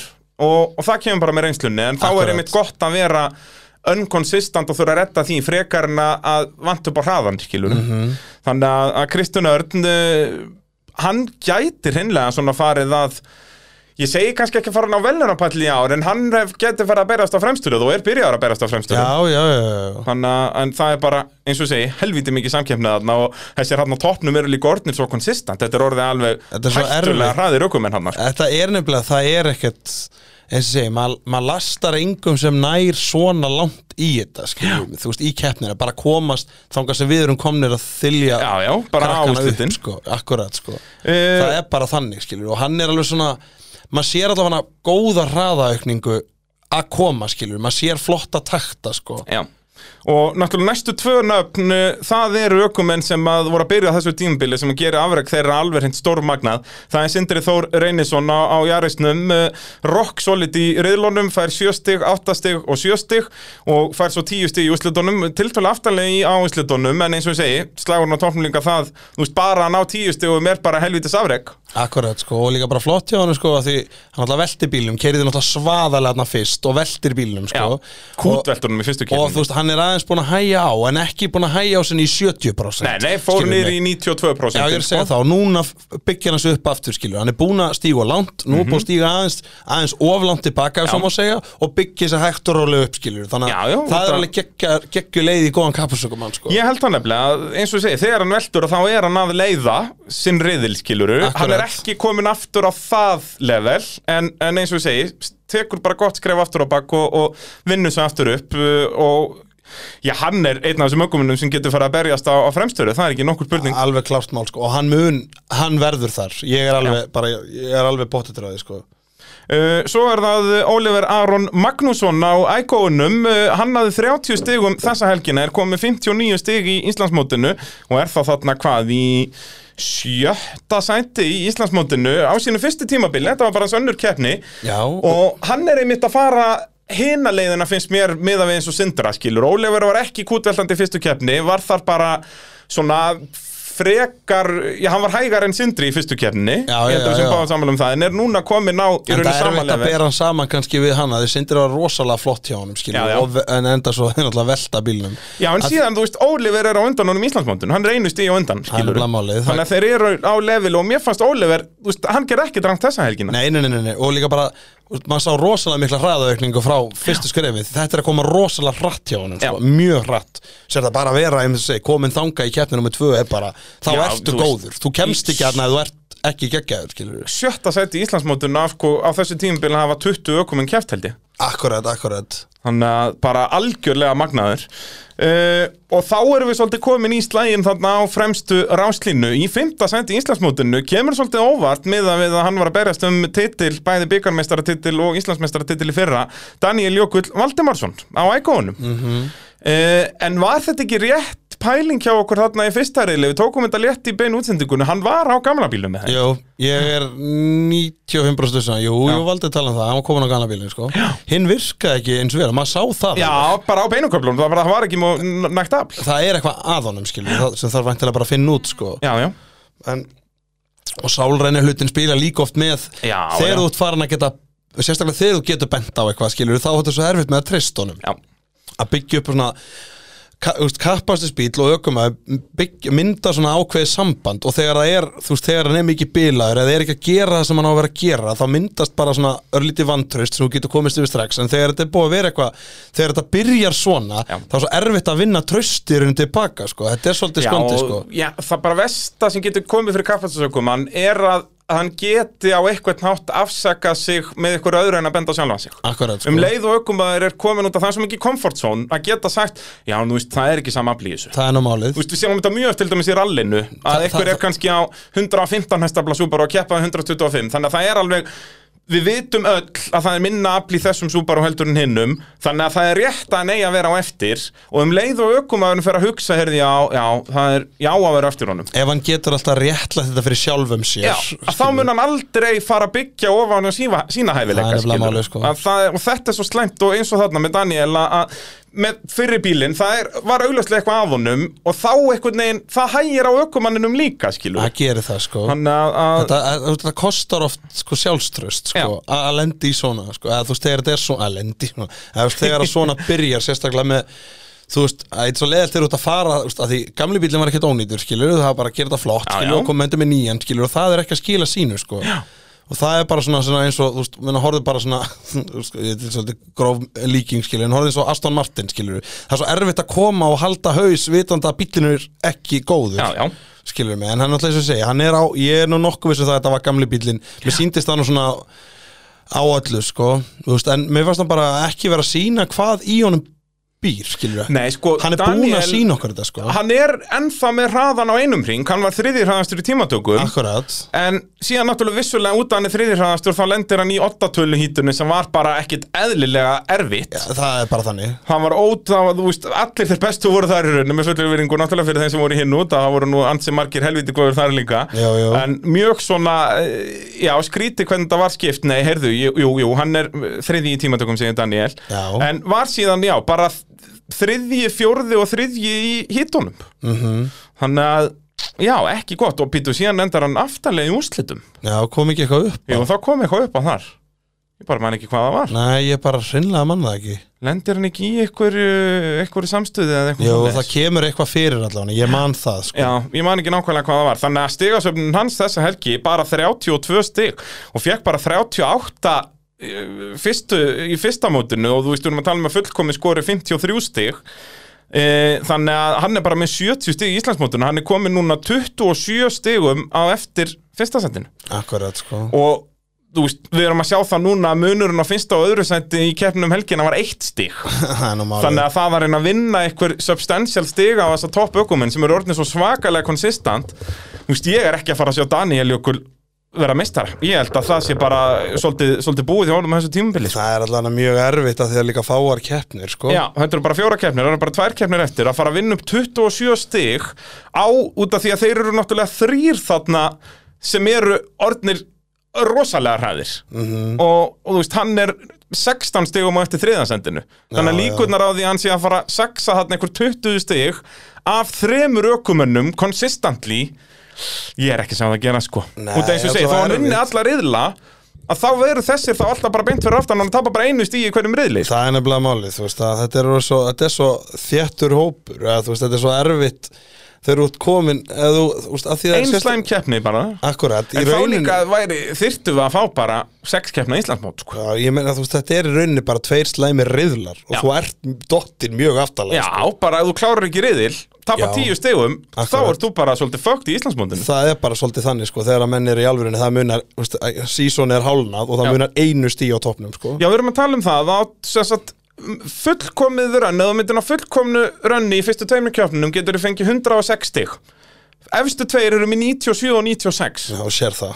Þeir eru undir 10 stigum frá fullkomnun og þeir eru tveir akkurat, og tveir Þú veist, þannig að þetta er bara, þetta er rosalegu slagur þarna og, og eins og ég segi, Daniel ekki að byrja tímabilið vel og þá er staðan bara orðin svona. Já, og sér það, það er bara 212 í pottinum í heild, Já, já. skiljum og þeir eru með, vá Þetta er, þetta það er rosalegt Já, sko. bara svakalegt. með þessa samkjöndin líka sko. en það er náttúrulega út að þeir Þeir eru hafa að verið- bjóðsli, það já. er alltaf tveir sem að geta fengið tíu stíð í hverjum reyðli í júlingaflokki í skiluru. já, já. Þannig að það er líka alltaf áhugavert, þú veist, eins og við sáum í, í bæði redneckmótinu og, þú veist, í síðustum fyrir Íslandsmótinu fyrra, að þá er þetta alltaf áhugavert með hverjir lenda á móti hverjum í, í reyðlónum, sérst tímatökurnar að fannar skipta svo miklu máli Já, þarna ég veit með það, að sko. hvort þú nærð sko að vinna inn tíu stig og taka stig af samkeppninni eða hvort að aðal samkeppnin er í hinu, hinum hollinu Já, og já, getur þá já, já. líka fengið tíu stig, skilur en svo er líka bara held ég annað sem spila svolítið inn í þetta, það er bara að það getur oft verið kallt á toppnum og þetta eru náttúrulega lítil börn Já. það má ekki gleyma því og þetta er bara, þetta er veist, að því þetta er orðið svo mikil þetta er alveg orðin pressa Já. þegar þú ert svona eins og við kjóðum að kalla svona framlínu ökumar ert á fremstu Já, sem línu sagt, eins og núna öll nöfnin sem við erum að fara að tala um núna þetta er allt aukumenn sem voru að bærast á toppnum í fyrra skilur þess vegna finnst mér allavega og ég held að þú sett sammála að við getum verið aðeins krítiskari Mhm. við þessa aukumenn út af því að þessir aukumenn hafa sínt okkur að eins og með Daniel að hann á að vera ofar skilur Já, það, er- akkurat. það kemur á óvart að hann sé í 5. sentimótinu Akkurat, við erum ekki að svona púa niður Nei, heldur, nei. Þú, veist, að þú ert búin að sína það að þú ert geggjað keirari skilur það er akkurat málið þannig að- En það er að bara svo margt fara að spila inn í þegar samkjöfnin er orðin svona hörð að því þú veist, þetta er ekki bara og þá kemur þessi pressa sem þú um. talaður akkurat, að því þetta er ekki, þú ert ekki bara að berjast við eitthvað, veist, eitthvað einn eða eitthvað eina skilur mig, þeir, þetta er svo, þeir eru svo mörgarna í þú veist, þessari súpu í rauninni sko, sem gerir þetta svo gaman sko. Já, eins og við sjáum bara með Daniel Jökul þriðja, fjórða og þriðja er riðlunum en ímyndaði líka aukumennina sem eru þá þarna þessir tveir eða þrýr sem eru á undanunum skilur. akkurat, akkurat Þannig að, að svona er bara slagurinn orðið, það geti ekki allir verið í fyrsta sendi það er, náttúrulega, það er svo, svo er það náttúrulega bara alltaf staðan, það, það getur aldrei allir unnið Þú veist, Eh, þá var þetta bara andri sandaleikandur og allir fengur medalíu og þá var ekkert gaman, þá höfðu við ekkert að tala um Nei, ég segi það Þá, þá var þetta bara, já, já, herðu, 47 bílar hér í þingi, við erum bless Og Og eh, þetta er sumir voru búið- appisínum gullir og aðrir svartir, takk fyrir Þetta var í bóði bílapúnsis, við erum bless Uh, Björgólfur Bersi Kristinsson uh, hann var hraðastur í tímatökum í fyrstu umferðinni ekki með að lefstu þryggja í tímatökum uh, þessa helgina Þessi sýni hversu geggjaða slagurinn er Ég segi það, minnstu mistök og þarna er náttúrulega verið að fara öfugan hring og þá erum við að sjá líka bara sömur eru betri í öfugum hring heldur en uh, réttum og allt þetta Það er bara alveg þannig, sko, og ég man bara þegar ég var að keppa, það var alveg áberandi þannig að maður sá að sumir voru hræðilegir þegar þú snýrir þessu við, sko, þegar menn er einmitt bara, þú veist, þegar að kappa fólk er bara búið að þú veist, leggja þetta á minnið í rauninni, skilur, og svo allt í einu bara þarf að kera djúpa hérna í hináttina, Já. og þá bara, uh, heyrðu, það er því þetta er svo allt öðru sig, og það eru, þú þarft meira að vara þig í þess átt, sko, Já, ég er hún ekki refsar þér meira Já. þú veist, menn spurja, þú veist, fólk hefur svolítið spáði, þú veist, hvor ringurinn er þú veist, betri, erfiðari og þú veist, og svona og þú veist, mitt svona álit eftir að hafa spáði í svona alltaf mörg ár, er í rauninni þú veist, hvorugt er erfiðara en þe- hún refsar þér meira fyrir mistök í þess átt vegna þessa þú ert að koma hraðar að til dæmis eins og löngum albyggspeginni skiljum mm mig, þú veist, í þess átt þú kemur, og þú ert að kasta þingdaraflinu meira til á meiri hraða sem refsa þér meira og þá kastastu eins og þú kemur og fram á hjá malbyggi náttúrulega, það Akkurat. refsar það ennþá meira þú, veit að þá, það er auðveldra að kasta þingdinni til í mölinni skilur Það er við. nefnilega málið sko En ég er einmitt samanlega því, ég held að öfuringur er, semst þegar við kerðum eins og núna í annar umferðinni, að það er í rauninni, þetta er meira krefjandi ringur fyrir ökumenn. Já, ef ég myndi, ef ég ætti að segja hvor er erfiðari Já. þá myndi ég alltaf segja öfugan sko Já. þess að við vorum að gera núna, það er alltaf erfiðari Að fá þetta vinstri í hægri langa þarna sem fyrstu, fyrsta beigjukompleksið Akkurat, sko. á malbygginu, mjög krefjandi, þó að sé engin bíll í kringum því í rauninni, bara að, að Já. eins og þingdadreifingin og hvernig er þetta. besta kappaslínan Já, já, síðan sem sagt hægri uh, hægri beigjan í mölinni hún er svo sem svipuð í báðar áttir eh, ekkert spes, en þú ert að koma síðan miklu hraðar inn í S-ið og ert að fara af möl inn á Malbygg erfiður bremsupunktur og við erum að sjá miklu meiri framúrakstur í gegnum S-ið í þessa átt heldur en hinna út af því að aukum eins og sérstaklega í unglingaflokkja sem reynslanum lítil við sjáum til dæmis Björgolf gera þetta trekk í trekk að taka fram úr í hægri beigjunni í S-beigjunni skilur Akkurat. út af því að þá er hann bara að spila réttar línur fer hægt í gegnum fyrstu, köttar svo á innanverði í gegnum hægri og Akkurat. er komin á innanverði núna í djúbubegi skilur Það er nefnilega málið sko og þá er þetta orðið eins og ég segja, þetta er meira krefjandi fyrir ökumenn hún er það sko og svo líka bara þú veist beigjan upp úr sest, fyrsta beigjan eftir starti í hináttina sest, upp Mhm. úr pittinum í rauninni sko eða starna upp úr sest, malagrifjunni eða þannig hvað á maður að kalla þetta er, þú ert að tala um bara sest, fyrsta beigjan eftir start í venjulegan Já, bara hring, djúpa skilur. beygjan. já, bara djúpa beigjan hana, sem er með hana Malbyggs frímerkinu okkur vantar náttúrulega að hafa styrtaraðal á öllum begjum Já, sko. nákvæmlega. það var risastór skiltin sem það var í gamla daga skilur og Já, hafa ég man mannbyggt eftir en bílanust beigjan já, og og eitthvað. djefaf beigjan Já, og svona, já. ég man eftir þessu þurfum að græja þetta Róahöttur og svona já, við erum að tala við róahött Ha, tala um ráðhött, erum við genið þá að gera gott móti í eigum eða? jú, reyndar en ákvæmlega nei, það er pizza 7 það er pizza 67, alveg rétt en, uh, en eins og þú kemur upp úr þeirri beigju já, það er svona þú getur grætt rosalega mikið þarna með að taka þessa rétt vegna þess að það skiptir svo miklu máli þegar þú ert að koma litla malbyggstubbin að koma hann réttan Já. upp á það að Alveg vera upp við dekkin. á, á örlíti meiri hraða bara ná hraðan flæðinu í gegnum hana upp á það þegar þú ferð upp úr henni Mhm. þegar að, þú veist þá ertu náttúrulega allt í henni í, smá- þú veist, í þrjár sekundir eins og setja að draga kerru það munar svo mikið að þú ko- náðir að koma 5-6 kilometrum hraðar án þess að vera búin að renna samt út úr línunni skilur við, Þetta þetta við sáum svo marga einmitt renn út úr línunni og meira sem eins og bara í forvildaraflokknum var mikið um þetta Já, já, og hefur þá alltaf verið. ert að tapa bara seti í er rauninni. alveg rosalega, þú tapar rosalega miklu nefnilega, þannig að þú þarft svo að finna línuna þarna í gegna alls ekki of hratt en ekki of hægt skilur við, Og þarna, út að þetta lítur út fyrir að vera svo saklaus beigja, þú ert að fara upp í móti þarna á Akkurat. kraftlitlum bílum, bara, á- bara beigja og keira þetta, en þú veist, þetta er, eins og segja, þú þarft að halda þér vel innanlega þarna og Að þi- nýta þér malbyggið út að síðan hverfa malbyggið, Akkurat. en þá verður að vera búin að stilla bílum rétt upp. nákvæmlega skilur, við, þá Svo- þarf að vera komið með eins beina línu eins og þú getur renni á sem mestum hraða án þess að vera og fara of hratt þetta er ástæðan fyrir sjáum rosalega oft á þessum kabla, sjáum við mjög oft í þessa átt bíla hlifi hliðan, þó menn á ekki að Út að þú ert Nýta yfirleitt- sér það já, alltaf, út að skilur, en þú ert þú yfirleitt nærð- á- á ytirlínunni fyrir vinstri beiguna næst. það er sko. nefnilega máli sko En það er líka býður upp að skemmtilegan kappaktur Við sáum nokkra ná að halda ytterlínuna og það var alveg styrla, við mistum okkur reglulegi útsendingunni Já, þetta grínast. Það- Þegar menn voru að kissa steipuvekkin sko, að Akkurat, sko. að taka fram úr á sama tíma bara styrla dæmis alveg ógeðslega cool sko Heldur betur uh, Björgólfur, hann ef, uh, endar þriði í fyrsta reyli og svo annarsættið og annarsættið uh, virkilega flottur árangur hjá honum en uh, tapar svo svolítið að stegum í úslitónum fær þar, uh, hvað endar hann fjórði þar og þarna náttúrulega fara að skipta í úslitónum skiptir uh, röðunin þarna sérstaklega á fyrstu bílum sem einhverjum álut að þá eru komin tvö, jafnvel þrjú stig á milli Þannig að þó ert búin að vinna alla reyðla þá getur þú tapað þessum þreymur stigum sem hún græðir þar bara á einu brett í úslitónum Það er nefnilega máli, bara ef eitthvað stingur sér á milli þess sem þú ert mest að berjast við að þannig, skilur. Já Og, uh, Og þeir þurfa náttúrulega líka að vara sig. Já, og þeir þurfa líka bara að vara sig því lengra sem líður á tímabilið, eins og þá fara hinir að að gogga meira í, sko, fremstu línuna, sko. Akkurat, eins og þessu nöfn sem við tölum á hann, Oliver, Sindra, Kristinn, Arnarbúa Þessir gæjar, sko Í reddnæknum, skilur. Já. Þá geta þær virkilega að fara að gogga. Já. Þú veist að því það vilja allir vera þarna. Heldur betur og þá eins og þú segir ekki- ekki- munurinn að vera að fá 13 stig og fá bara 8 stig er þá orðin bara mjög lítill sko. Akkurat. Eh, Þannig að Björgólfur, hann er með 83 stig í Íslandsmótinu er ennþá alveg þarna inn þér, þú veist, hann er þarna, þú veist, 13 stigum á undan Daniel, skiluru Þannig að Daniel, nei, hérna, Björgólfur er svona pínu í einskismannslandið þarna er eh, 14 stigum á eftir eh, fyrsta sætinu, en það er svona aðeins meira geranlegt Já, já, já, já. og eins og segi, er bara þarna þremur stigum á eftir þriðasættinu og þar situr Anton Orri Grant og eh, já, var hann ekki eiginlega bara svolítið ökumaður eh, ökumaður dagsins þarna, hann vinnur alla reyðlana Ná, Mér finnst það geggjaður. bara heldur betur að stimpla sem velinn eh, var svo segur að vera næst hraðastur í tímatökum þannig að hann fekk sléttu tölurnar Já, já. sem var aðeins auðveldari riðill og, og nýtti sér það með því að vinna alla, öll hítinn Mhm. Eh, þannig að komið 30 púnta strax þar í rauninni 32 fyrir, með tvö stigum sem fær í tímatökunum en er svo annar í úslitónum þannig að tapa þremur stigum á, á fórustuseðin þar en solid 49 stig af 53 mögulegum hann er stigahæstur eftir daginn Akkurat, og líka bara síndi það svolítið skilur eins og þú segir að því að hann var alveg var alveg í hans auðvöldari riðli, við veitum það alveg Já, já. það veitum það flest en þá verður að nýta þetta En já, og líka það að, þú veist, hann bakkaði þetta alveg upp með úslitunum, skilur, það er ástæða fyrir því að hann er þarna.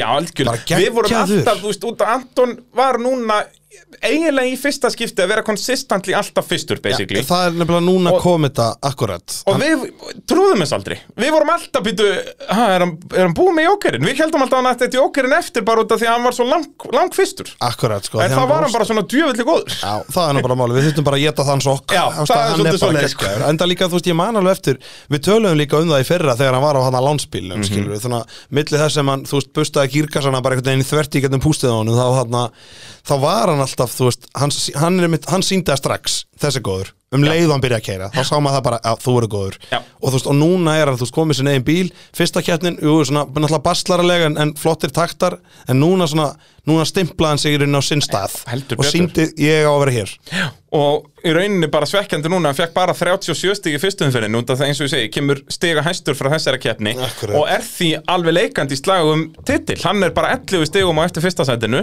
10 stigum á eftir öðru sendinu, en, en þeir eru þetta tveir þarna í svolítum sérflokki í, í fyrsta og öðru með alveg svona góðan kúsjan eins og ég segi, við erum ekki að sjá 10 stiga svingi í keppnum en 5 stig og 5 stig er geranlegt. Akkurat En þá þarf það að eiga fullkominn dag, þá þarf það að vera hraðastur í tímatökum Þú veist, Núna eru tímatökurna líka farin að skipta máli Við sjáum það að Jóhann Ingi sem að leiðir Íslandsmóndið hann, fekk, hann er bara fjórði í tímatökum Ég veit það Er bara, nei, er hann Nei, ekki þriðji. Nei, fimmti, Nei. nei, Fymti fymti, hann fær 0 stig og en- endar í erfiðari reyðlinum Þannig að hann er fymti Já, Í tímatökum. já, hann var þriðja að velja rástað Já Í sínu reyli, alveg rétt, já það er allavega ég sé ekki betur í mínu skjalli sko, Jú, hann ég er í held að jú, erfiðari- það, það er rétt hjá þér. Ég man þetta að við vorum svolítið sjokkar þegar við sáum þegar hann var að velja stað Akkúrat. En þú sér það bara að því baráttan er orðin svo mikil og eins og við erum búin að tönglast á hérna að þú veist þetta er bara að þú þarft bara örlít og hratt í eina beigju og bara svona pínu yfirstýring að úst, bara missir rassin örlít út og þar fóru 0,4 eða eitthvað Já. skilur, og þá er þetta bara tapað þá er þetta komið bara eins og þessi dottin frá fyrsta nýri fymta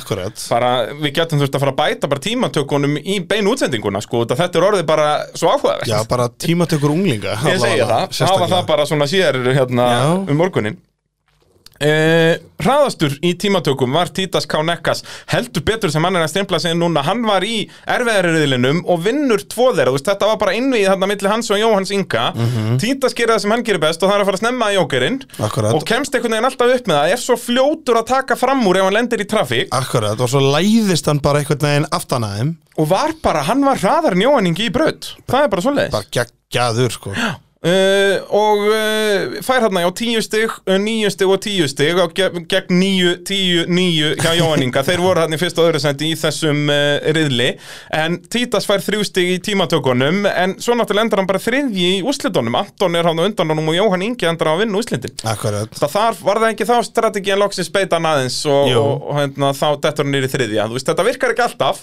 nei það er nefnilega málið þú en veist- er farið að virka helviti oft samt Já, allavega þarna náðan, þú veist, þrennu í röð, sko, ég man við vorum alltaf þarna að tala um þetta, að trekki, trekki, trekk, sko Já. en þú veist, þetta er mjög hættulegu leikur, þó hann hafi komist upp með að þrýsa sinnum að vinna á skafmiða þá er þetta mjög hættulegu leikur, af því ég ég, veist, ég get ekki eins og niður reynd að telja hversu oft ég hef séð þetta ekki virka Já.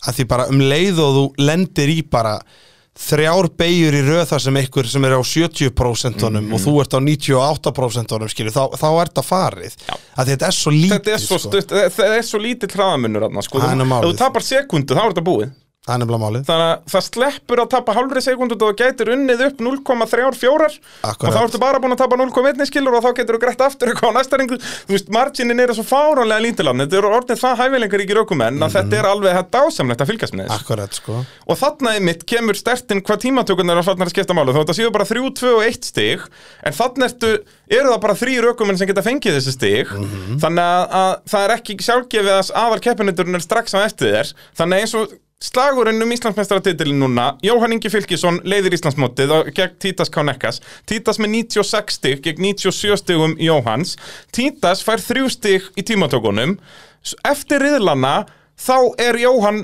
uh, búin að tapa einu stíi á hann Sjöst, uh, Títas búin að græða eitt stík í já, já. riðlunum en svo náttúrulega tapar Títas fimm stígum í úslutunum fyrir að vera bara þriðji en út af því að hann græðir þessi þrjú stík gegn núl stígum Jóhanns í tímatökunni þá yfir daginn tapar Títas bara einu stíi akkurat, og það er stíi sem er á milli þeirra akkurat, þú sér hvað þetta er farið- allt fara að skipta miklu máli, öll heildin Já, þeir voru jafnir með 49 stig eftir fyrstu umferðina og koma nút úr þessari umferð með 48 og 47 þú veist, því líki slagurinn Já, þetta er bara, bara maður hlakka bara til næst núna, sérstaklega núna að tala um þetta sko, og því að hlusta á þetta, núna hlakka maður svo mikið til að fá næstu keppni og náttúrulega að sjá þá út af það eru náttúrulega dauða dómir fyrir þá ef að Títas eða Jóhann lendir reglu í því að eitthvað komið hann upp á milli sem eru bara mjög miklu líkur á með hvað eru hraðir hann fyrir aftan Það er nefnilega málið sko Þú veist, ímyndaður ef Anton væri, hefði myndi lenda með þeim í riðli, skiluru Já, það er bara Það getur reynst þeim besti vinnur þeirra og þeirra versti óvinnur En skilur, af ég held því að allir vilja Anton, vinna ég segi það, en ég held að Anton vilji það Ég held að Anton vilji vera í riðil með helst bara bæði Títas og Jóhanni Já, held að það er mest gaman að því og líka bara Nei, þú veist, út að hann- hotlast fyrir hann Nei, hann þarf á því að halda, hann er 11 stigum á eftir Jóhanni Já, já, Hann já, já. þarf ekki Bæði bara að vinna hann að taka stígin af honum og fá þau sjálfur Þú veist, það er ekki nóg fyrir hann núna bara að fá tíu stíðin ef hann veit að Jóhann og Títas er að fá tíu og níu í hinnum Já, riðlunum. núna þarf þetta bara, þannig að þeir þurfa bara núna þurfa krakkarnir bara að fara að stilla þetta bara eins og Formule 1, bara hægðu örlít á þau hérna á Já. nýjunda sektor skilur. 0,9 eh, hérna, 0,02 sekundur á þessum mikrosektor. Akkurat, og Dominus Jarasinn bara, þú veist, hann er ekki eins og með sko, svo, eh, sko nákvæma bensingjöf, skilur En, en eins og ég segi, tímatökunda, hvernig þið raðast upp, auðvitað er þetta bara lotto, þú getur aldrei, þú keirir alltaf bara eins rætt og þú getur og svo bara sérðu hvað gerist. skilurðu. Akkurat, sko. Út að sérstaklega út að það eru þrjú mjög mikilvæg stigi í bóði. Akkurat, sko En, en eins og ég segja, Anton, hann hlýtur að vilja að vera í riðli bæði með Títas og Jóhanni svo hann geti byrjað að saxa stig af þeim og Já. unni sér einn stig sjálfur sko. Og en líka- auðvitað er það mikil áskorun en Það er það, ef hann sko. ætlar að vinna titilinn þá verður hann bara að takast á við þessu áskorun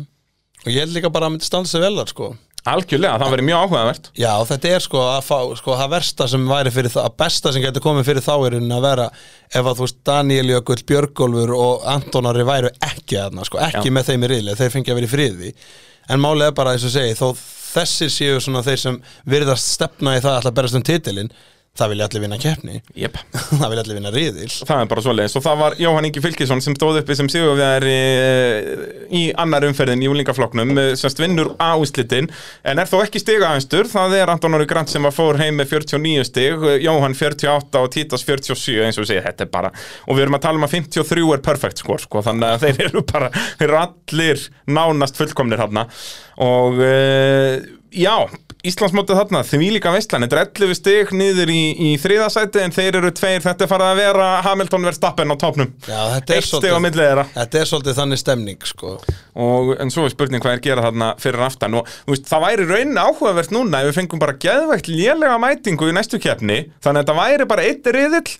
þannig að þeir var allir saman í riðli Þegar, þú veist, þannig að bara P- Daniel gæti farið að komast upp á millið þeirra allra og Björgólfur og, og allir Akkurat, þessir sko. sko.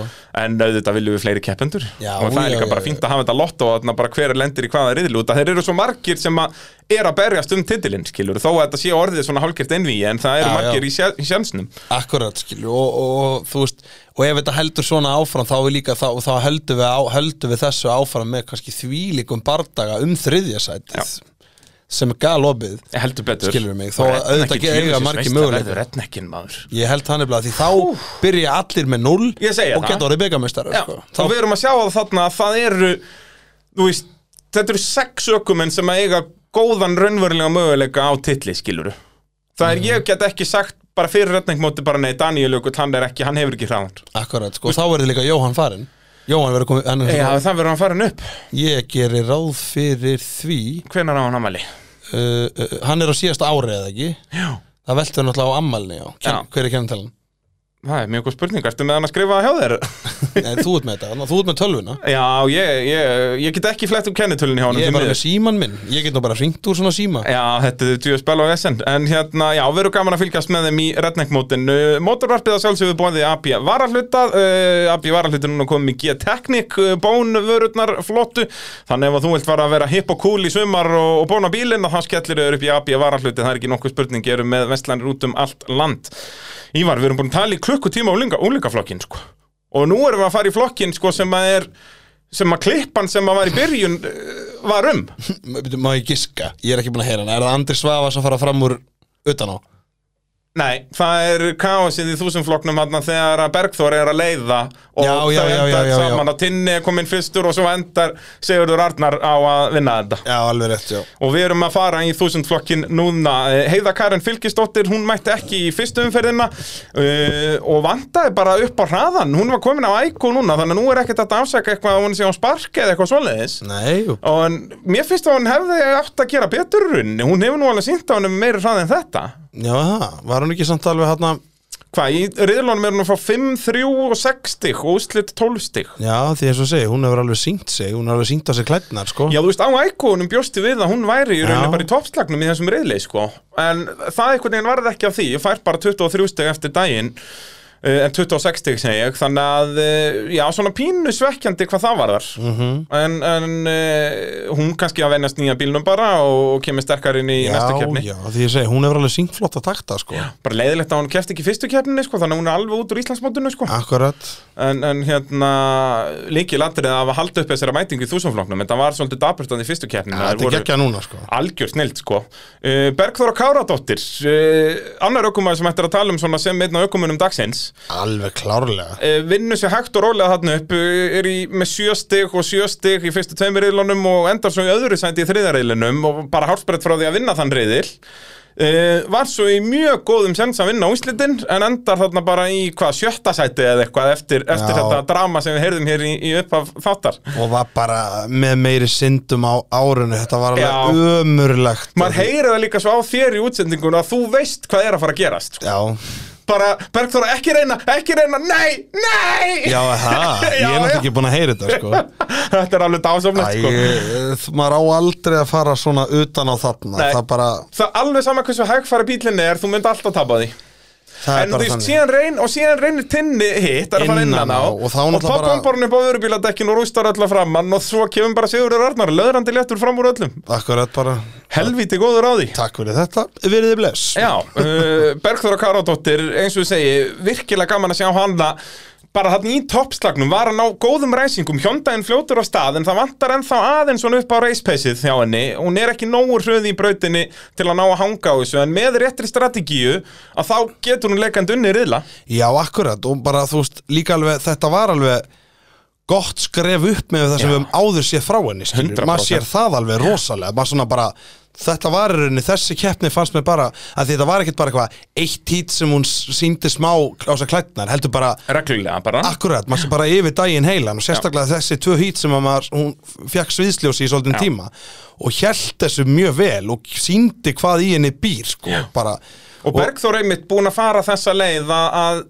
Sest, var náttúrulega bara mjög hæg þegar hún byrjaði umlingaflokki og náða byggju praðan jæmt á þetta og er núna komin bara, já, í toppslægin með fullanna fólkinu, skilur Akkurat, sko, búin að gera þetta allt rétt hvað það var en hún er náttúrulega líka, þú veist, ég er að fara yfir listan í þúsumfloknum það kemur ekki óvart ef að hún er svo manninska sem kertu við flesta ringja á þessari bröð En þetta hún fór í gegnum allan úlingaflokkin Já, skilur, já, ég bara man frá eftir því. 15 ára Akkurat og þú veist, það kannski nei, Tryggvi Óla er ekki reynsli meiri held ég Nei, það held ég ekki sko. Andri Hann, er náttúrulega- hann Svavars hefur verið ekki. slitróttari Nei, Andri byrjaði náttúrulega bara í bara í hitti fyrra í rauninni Já, já, já þannig að já, ég held að Bergþóra sé reynsli með stökumæðurinn þarna í þessum þúsumflokki Já, þú telur bara hringina sko Þú veist, já, já, já, en eins og segi, stígu líka skrefi frá bara, frá bara já, bara byrja neðst í stiganum Já. og bara þarna hoppa hann bara fjögur þrep í einu eða Já. eitthvað skilur mig Þetta var bara bara, geggjað að sjá þetta sko þetta var alveg bara, veistu, ég bara, ég dyrkaði það eins og eflaust heyrist hérna, þetta var svo geggjað að horfa á hana hana maður og, eh, Þetta var svo mikið synd og náttúrulega næstur í rauðin ef við förum í, í rauðin í Íslandsmótinu er náttúrulega sigurvegari í þúsumflokknum Sigurður Arnar Pálsson og ekki nóg með hann vinnur úrslitina þá kemur hann líka stigahæstur frá keppninni vinnur fyrstu tvo riðlana lendir sem í basli þarna í þriðja riðli við endar bara fjóruði þar en uh, vinnur svo úrslitin eftir þetta drama sem við heyrum hér í upphafi þáttar Akkurat og náttúrulega verðum við að tala svolítið saman líka bara um Sigur Arnar og Bergþóru því að síðan mættu þau bara rallikeppni daginn, fyrir. nei Fyrir.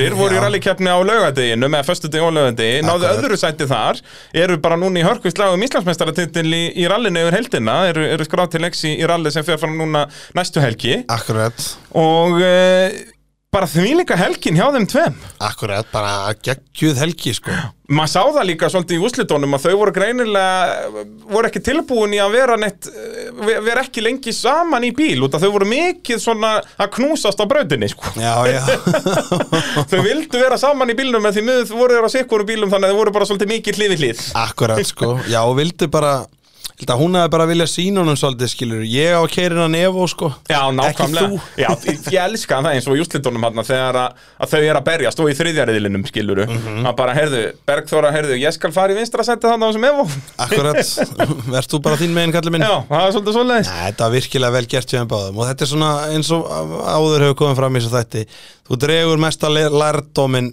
af þessu skilur Já, vegna mistökunum, þess að- það er bara svoleiðis. vegna þess að keppnismanneskja eins og ég veit að hún er þú Ég veit að hún fór, fór frekar pyrruð heim, skilur, Já. þú veist sem ég skil bara Já, þannig Og að ef, ef þú hún átt myndi að gera ekki, já, ég segi, ef hún myndi ekki koma pyrrur heim frá Það var þessu ömulegu keppandi Já, þá áttu ekki teima hann upp á braut sko. Nei, þú veist, það, ekki segja það nú kannski alveg En þú veist, en, já, já, við erum að tala sömu tunguna, skiljum við. Þú veist að, þú veist, þú veist, keppnismanneskja Þú veist, því meira eins og þú einhvern tímann sagði við mig einhvern tímann, sko Því meira sem þú nagar sjálfan þig þegar það gengur illa Því meira kannt að meta þegar að sigurinn kemur, skiljum við, Sem er það Því alveg sætara verður hárrétt. sigurinn Já, ég Þetta er bara, segi það ég kemst mikið af þessu bara þegar ég spila tölvuleiki Ef ég verð ekki brjálaður ef ég tapa í einhverjum tölvuleik Já, að þá er tölvuleikun ekki skemmtilegur út af því að þá mun ég ekki fagna þegar ég gerir vel í honum já, ég fatt að Þú- sigra endakallin Já, ég segi Ég, það. ég man eftir þessu bara þá maður var krakki að spila Mario Bróði, skiljum Já, já. Þegar maður var að sveipla honum hann að, hvað hétt hann Tjóðsvesen, eh, hérna Hvað hétt hann? Þarna- Ertu að tala um vondakallin? Já. Drekadjöfilin þá? Já, hana, sem var skjálpak og drekið Já, ég man ekki hvað hann sko. hér Já, það er allavega hana, þú veist, að, þú veist, þú veist maður var oft orðið bara, maður langar að dúndra fjastringurinn sjónvarpið, Já, já. eins og eins og maður sér á svona fyndnum YouTube-mymbund, sko. Yep. En síðan sér maður, en síðan eru líka tölvuleikir þar sem maður var ekki brálaðar þegar maður tappa og þá var, það voru yfirleitt tölvuleikindir sem maður spilaði bara þrisvásunum og hætti síðan. Já, ég er að segja, þú veist, bara svo að spila Tetris, skilur, þú veist, þetta er bara alveg sama, skilur, þetta er bara, bara hvað að drepa tíman. Já. Uh, áhugavert þessi tveir bílar, uh, Sigurður Já. Arnar á Kia Picanto og Bergþór á þessum Hyundai, hvað er þetta, E10 eitthvað E10, svoleiðis? E já, já. Að- Að þetta eru sem sagt, Maggi bróðir, hann datt í smá research eh, fyrir ári síðan eða eitthvað, þá var hann með hugmyndir að fara að smíða sér fyrst að hann komið svona dýrindiskoðan bílskur heima á sér að fara að smíða sér alíkvarsbíl Já, og þá bara fór hann að googla þetta bara held ég upp í vinnu bara þegar hann er það með aðgang að bara upplýsingum frá uh, framleiðendum já, já, já. og, og setti bara alla þessa bíla upp í eitthvað Excel-skjal og þar er það að þessir nýjum bílar eru örlítið betri þeir eru örlítið hraðari upp í 60 mílurnar eða 100 kilometrana þú veist og maður sér það að þessi bílar eru þú veist, eins og sérstaklega í ræsingunni eru þeir betri en ég hugsa í akstus hraða á brautinni eru þeir á pari En Já, þeir ég eru hugsa örlítið hraðar af stað og það munar um það í þessu og Bergþar á svo sannarlega nýtti sér það núna Það er nefnilega, þetta munar nefnilega svo rosalega litlu, sko. En þetta er líka bara svo, svo gaf, það er svo oft í íslensku mótsport það sem er bara, herru, þetta er leiðin, Já. það er allir að gera þetta, það er Já, að gera já. svona, skilur Bara Subaru Impreza í non-turbo Akkurat, Þú veist. þú veist, en svo kemur svona einn og einn sem vill prófa eitthvað annað, skilur, maður tekur því alltaf svo fagnandi, skilur, Já, ég held að mesta fagnaðalætin þarna eru að við erum að fara að sjá þess að þúsund bíla hérna bara næstu 20 árin sko. já, akkurat, af því þetta er eitthvað sem er alltaf framleitt, sko, Já, já af því mótorsport er náttúrulega svona það sem í rauninni vandamál framtíðarinnar eru hvað tekur við, Já, já GTI, svona menningin og svona turbóbíla, þetta er ekkit, Þetta er að degja svolítið já, þú veist, ekki svona eins og þetta var, það sem allir, alla tegundina voru í bóði einhvers konar með svona einhverju umfi, skilur, Já, sem já. er gaman að nota í svona, þú veist, rallycross Nú eða er það ekki og, Hvað fannst þér? Já, já Það verður áhugavert að sjá Og hvernig það það, en þróast þetta er nóg það er alltaf nóg að þessu skilju litlir smábílar með Og eins og þennan segir- mótor Svo lengi sem við höfum nógu mikið af þeim á brautinu þá er það skemmtilegt akkurat, Þú að veist, veist, allir Þrý framleiðendur svona í braut, það er drept bara eins og 14. flokkurinn var núna, skilur akkurat, akkurat, Það gengur ekki, en um leiður að komnir 8 pluss bílar eintómveisla alltaf góð bara eða eru eins, skilur mig og þessir bílar eru svo rosalega eins 1400 flokkurinn er meira svona þá áttu komið meira í rauninni svigrum og þá eru þeir að meira í sundur skilur, Já, eins meðan og að Sko, við sáum um þessir eru helgina bara Honda, Akkurat. Spark, Ä- Yaris, allt mismunandi bílar Já, og svo rosalega mismöndi afli menn að hitt er svona, þú veist, við erum að tala um það já, hjóndaginn er greinilega aðeins betri, við erum að tala um Já, þetta þú veist, en sko- það er samt sko Þetta er ekki 30 neitt, cm sko. eftir fyrstu 100 metrana Akkurat, sko. þú myndir aldrei tala um þetta í 2000 flokki Já, hún er greinilega örlítið kraftmeira Því hann er að ná hann framstörunum framfyrir Þú veist, þá myndir bara þú veist, kalla þetta startið eða Já, eitthvað, já skilurðu. uh, En já, Sigurður Arnar stóð uppi sem segum við er virkilega flottur árangur og, og Já, já. geggjuð helgi hjá honum en hann náttúrulega eh, fær bara 0 stig úr fyrstu keppninni sem er náttúrulega helviti blóðu Já, rosalega blóður sko. Kefti þar en, en dettur út í fyrsta reyðl og næri ekki að gera með bílinn þannig að hann er í rauninni ekki í slagnum Íslandsmeistaratitilin sko. Nei, að bara, þetta er eiginlega mikil synd að því þetta fór að því hann stóð sér svo vel s- núna skilur þú veist Uh, og þá getum við fara að tala um þá sem hafa kefti að skora stig í fyrstu tveimur keppnum Elmar Sveinn Einarsson er neðstur í stigum af þeim, er með 61 stig uh, byrjaði rosalega vel hjá Elmari er í öðru seti í fyrsta reyli en svo bara gekk ekkert upp eftir það Nei, bara einhvern veginn, bara já misti afturstuðaran hann að manni Já. og þetta var bara einhvern veginn svona já, ekki hans dagur held ég bara í sko. þessum setnum tveimur reylum er hann náttúrulega einn af þeim sem hann íti sér ófærir hjá Tinna og öllum þeim hann í úrslitunum og endar þriðji, hann fær dollu Mhm. þannig að, að vel gert að, fyrir, fyrir byggarahilluna og er náttúrulega sá aukumæður sem kemur heim með Nei, hvað, hann er með 31 stig, hann er með fjórða besta árangur eftir daginn. Já, já Það er þarna, já, og, og bara nokkuð svolít, en Elmar, hann síndi það þarna í þessum reyðlum sem allt var í, í lægi að hann á heim í toppstagnum í þúsumflokknum, er Já, að koma já, upp úr, upp úr úlingaflokknum náttúrulega. Já, já, alveg klálega, sko, hann síndi það alveg að hann dró helliks lærdóm þar, skilur við, áður en að fóð þanga, sko Já, Alveg magna samt sko. hvað hann er búin, maður sér greinlega hann er búin að taka skref áfram undan því að hann var ekki endilega í toppslagnum í úlingaflokknum. Nei, hann var líka svona slítróttur með mætingu, mann ég Já, En já, akkurat. já, al- ég er alveg klálega sammála því, sko Alveg klálega sammála því, sko En ég held að það sé líka, eins og ég segja, hann var ekki í toppslagnum í úlingaflokknum, er nær toppslagnum þarna, en við vitum það líka bara svart á hvítu að úlingaflokkurinn er hraðari heldur en þúsumflokkurinn. Já, það er alveg það, sko eins, eins skrítið að það hljómar og ekki nómið að þeir eru hraðari að þá eru sex bílar á undan þeir skilur Akkurat. þú veist, þe- þeir eru svo margir jafnhraðir þar sko uh, Sverrir Snær Ingimarsson mætti á uh, landsbíl, bara bíl sem að klúpurinn á held ég, Toyota passar. Yaris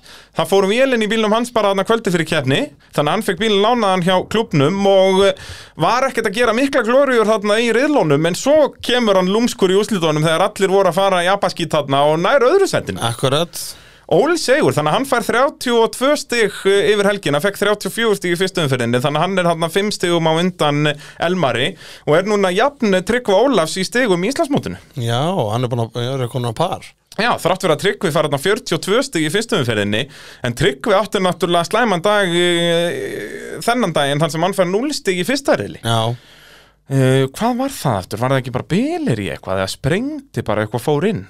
Ég manni, ég held að það hafi bara ekkert verið í myndinu sinni, hann bara kom ekki í mark. já ég bara manna það ekki Ég manna það ekki. Hérna, Ámar að munið allt Ég nákvæmlega, þetta eru rauður jaris, þeir eru nokkrir Ég finnst þið að rauðt á þetta Já, þannig að Tryggvi og Sverrir núna jafnir með 66 stig í Íslandsmótinu en þeir eru 30 stigum á eftir fyrsta setinu sko. Já, já, Þannig að sko Íslandsmóti í þessum flokki, sem sagt í öðru seti er Andri Svavarsson sem að e, var í tómu bastli, gekk ágætlega framanna, fær þó bara 6 stig í fyrsta riðli en endar svo þriðji í öðrum riðli með 8 stig þar Svo náttúrulega lendir hann í þessum bilunum sem að ég hef bara aldrei séð í þessum æko að þetta er bara svona eitthvað vélahögt og bara dóa bilnum já Þessi bíla nefnilega, það er eitt sem að, maður svona yfirleitt hefur séð við og það bara sama hversu mikla drullu og dýfur þetta í, í rigningu og einhvern veginn, all, alltaf einhvern veginn get- Þetta gengur bara Já, þetta er bara einhvern veginn alveg ótrúlega sko, þannig að þetta er eitthvað sem við hefum ekki mikið séð og getur verið kannski eitthvað hundleldar en að finna út sko Já, ég veit sérstaklega ef þetta er eitthvað svona tölvuvesin þá er betra að freka bara ef að stimpill út úr blokk sko. Já, þá akkurat bara skiptur um vél og þú veist það kostar 5.000 kall sko. Já, þú vilt náttúrulega helst bara lendi því ef þú þarft að lendi ykkur í frekar heldur en þú veist eitthvað eitthvað Já, tölvuvesen, það er að fara bílan að rafmagnsvesen. greina rafmagn í einhverjum æg og Já, eða bara sko. eitthvað sveppur í tanki eða eitthvað, Já, þú ég veist, segi hvað það, veit maður? eitthvað svona bensínsýja stípluð og eitthvað, þú veist, það er vesen sko þannig að vonandi nær Andri og, og tím Úlfurinn að að græja það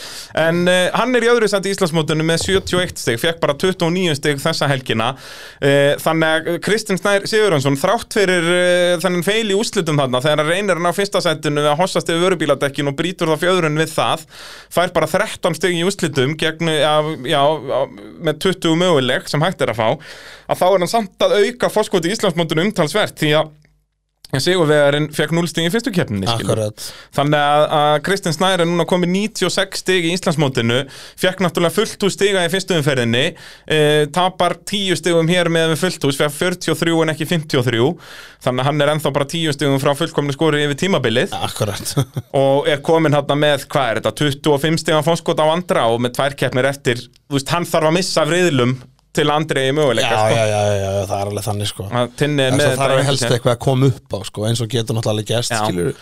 og kannski sérstaklega út af náttúrulega Akureyri er lokakeppn, ný braut og alveg nýjar aðstæður og það er svona þú veist, ef ég verið tinni myndi ég að vilja að auka fórskotið í næstu keppni til að vera bara alveg seifa á Akureyri Já, já, það er náttúrulega keppnir sem þú vilt helst lapp í með enga pressu sko. Já, skilur. ég, það er akkur máli, að geta lullað hana bara þó að vera bara 50 í öllum riðlum bara, ef þú klárar bara, þú veist, þannig að eh, allt þetta nýja komið er ekki á óvart, sko Akkurat sko En Tinni, þaðastur í tímatökum aftur er þó bara þriði í, í fyrsta riðli náttúrulega Jarisinni honum hægasti bílinn á staði í þessum flokk sem að gera þetta mjög áhugavert alltaf kappaksturinn verður svo geggjaður Já, þegar, það er svo gaman þegar að bílinn sem er hraðastur í brautinni eða þú veist, ökumæður sem Já, er já. hraðastur í brautinni nær alltaf versta startinu Hann við sáum tók í þetta alltaf rauninni með við Emil. kefluna af Emil í Já, já. fyrir sko. Það var svo gaman, sko Hann hefur brautarraðan í staðinn, sko Já. Og þa- þetta er Þetta er ekki alltaf sangjant en, en þetta er langt Já, skemmtilegast þetta er svona geggjað. Að þurfa að býta sig í gegnum hópin Já, skilur, eins alltaf og við- bara koma út úr fyrstu beigja annarkvort bara fjórðið eða fymti út af Akkurat. slagurinn var orðin það harður hann á topnum eins og við elskuðum með Emil í fyrra sko. Já, já, og, og Tinni lendi í þessu en hann líka bara lærði hægt og rólega hvernig er best að taka fram úr fær áttast í fyrsta reyðli, níu í öðrum og tíu í, í uh, stíin fyrsta sæti í þriðja reyðli Akkurat, en, það- en það gat en það er náttúrulega ekki hægt hann á betri árangu heldur en í fyrstu kjöftinu sko. Já.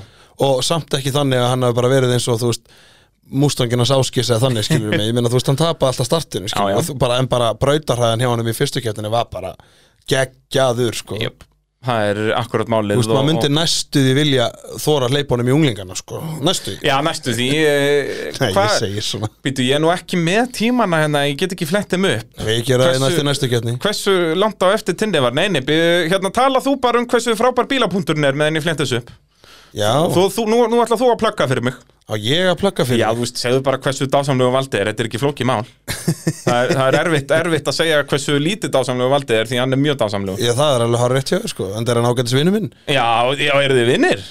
Já, ég er svona, æ, ég- þe- þegar það er mikið af fólki í kring Já, þá vilt ekki viðurkenna það svona Jú, þá, jú, þá vill ég, sko, Nú, ok. þá vill ég þess að sjá, sko, já, ég þekki sko þennan Já, hann har sko fleiri pallbíla en ég Já, og bara er búin að mála alla bíla á hans hann braut og þú veist, hann er aðalkallinn sko. Já, já, þetta er dásanlegt fyrirtæki í gröfinu 7 Reykjanesbæ Já. Ég heldur að maður sé búin að hlusta okkur á mótóðastætti Ó já, ó já En já, þetta er indislegt fyrirtæki eins og ég segi sama hvað amara bílnum, þú veist, einhver útlitskallar þá geta að græja hvað sem er eða bara þú veist, bókstælega hvað sem það er, skilur minna, ef þú átt bara pallbíl, horfir á brettakantana hjá þér nei, guð, mér langar að samlita þetta Já. talaðu við alltaf alveg sama hvað það er, skilur gefið góð verð og alveg 100% vinnubröð þannig ég er bara hyglust mæli með þessu Sko, hraðastu rúlingaflokki var Títas Kánekas á 46,1 Í þúsundflokknum eh, þar var tinni 47,9 Hann er næstu í tveimur sekundum hægari í tímatökum Vá wow. Já Hvað, með 47,9 Hvar hefði Hann hann hafi endað? verið 50 hraðastur júlingaflokki Hann hefur verið, f- já, Hann er 50 hraðasti bílinn í júlingaflokki ef að tinni myndi hoppa þar inn og við erum að tala um ökumann með 25 stiga forskot í þúsumflokki. Hann er 50 bestur í júlingaflokki. Þú veist, við erum ekkert að skröka þegar segjum að þessi úlingar eru next level dæmi, sko. akkurat Þetta er rosalegt. að því við erum ekki að lasta tinna því tinna er Nei, geggjaður tinni, þú veist, keyrari. já, hann síndi það, þú veist, þetta var bara hvað, hans önnur eða þriðja rallycrosskeppni núna, fyrsta keppni núna, f- bara fullkomi skor með fullt að geggjum ökumunum sem samkeppni, en Jesus og á- Christ, á- vá. í- já, þetta er alveg jafn góðir bílar, Tvær þetta er þúsund bílar sekúndur, þetta eru nákvæmlega eins bílar Já, þetta er tæpar tvær sekundur á einum ring það er rosalegt, já þegar það eru 46% reikna þetta skilur Ég segi það. svakalegt þetta er bara 5% hægari eða Vá, eitthvað ég vissi að veri munur en ég held að það væri ekki vestu, Ég held ég held að þetta væri kannski hálf sekunda hann já, væri ég svona, sá fyrir mig 0,7 eitthvað svona, Já, þú veist, nei, svona nei. svo besti Þessir úlingar eru, þetta er Vá. next level dæmi eins og ég segi, Tinni hafi verið 50 hraðasti í úlingaflokki, hann hafi lent í erfiða hollinu og verið þá þar svona þriðji Hann hafði alltaf verið á eftir Jóhanni og Títas, ef, þú- ef þú talar um brautarhað já, sérðu þetta samt skilur, samt eru við svona fymtasæti, þú veist, samt eru við að tala um fymtasæti í unglingaflokki svona, já, ég meina hann stóð sinna svona allt í lægi en þar er, en hann er á pari við, þú veist, Já, þann þú sem veist eins og Daniel Ökul sem við tölum um aðan sem er svona að eiga slæmt tímabil úlingaflokki hann væri bara parið við tinna í þúsumflokki akkurat, skilur Ef hann væri bara með þetta helviti spilpróf þá geta hann verið að safna dollónum sko en því miður er hann bara í alltaf erðið um flokk Sérðu þetta, vá maður Það sem Þetta er börnin stuð. eru röð Já, þetta er bara ruggla dæmi sko En uh, rennum þá fljó, uh, fljótt yfir 14. flokkin lítið að tala um þar Það voru þrýr uh, alveg mismunandi bílar og þeir enduðu alltaf í fyrsta, öðru og þriðja sæti fyrir utan að nýliðin Óskar Ingi Stefánsson og Honda Civic kláraði ekki þriðariðilinn uh, en síðan uh, í úrslitunum var það sama sagan þannig að þetta eru 53, 46 og 32 uh, Og er eru nekkert meira að tala um bara það veist, Því miður það vanta fleiri svo að sé eitthvað frettnæmt sko. Já, Eina sem Óskar að- Ingi bara sjátt átt á hann, f- f- flott að sjá nýlega Já, gaman að sjá okkur nýjan skilur að kaupa þennan bíl og koma og, og þú veist, og hinir tveir síndu bara sko, þú veist, svona það sem ég hafði gaman að þessu var að þetta er svona svolítið fyrir mér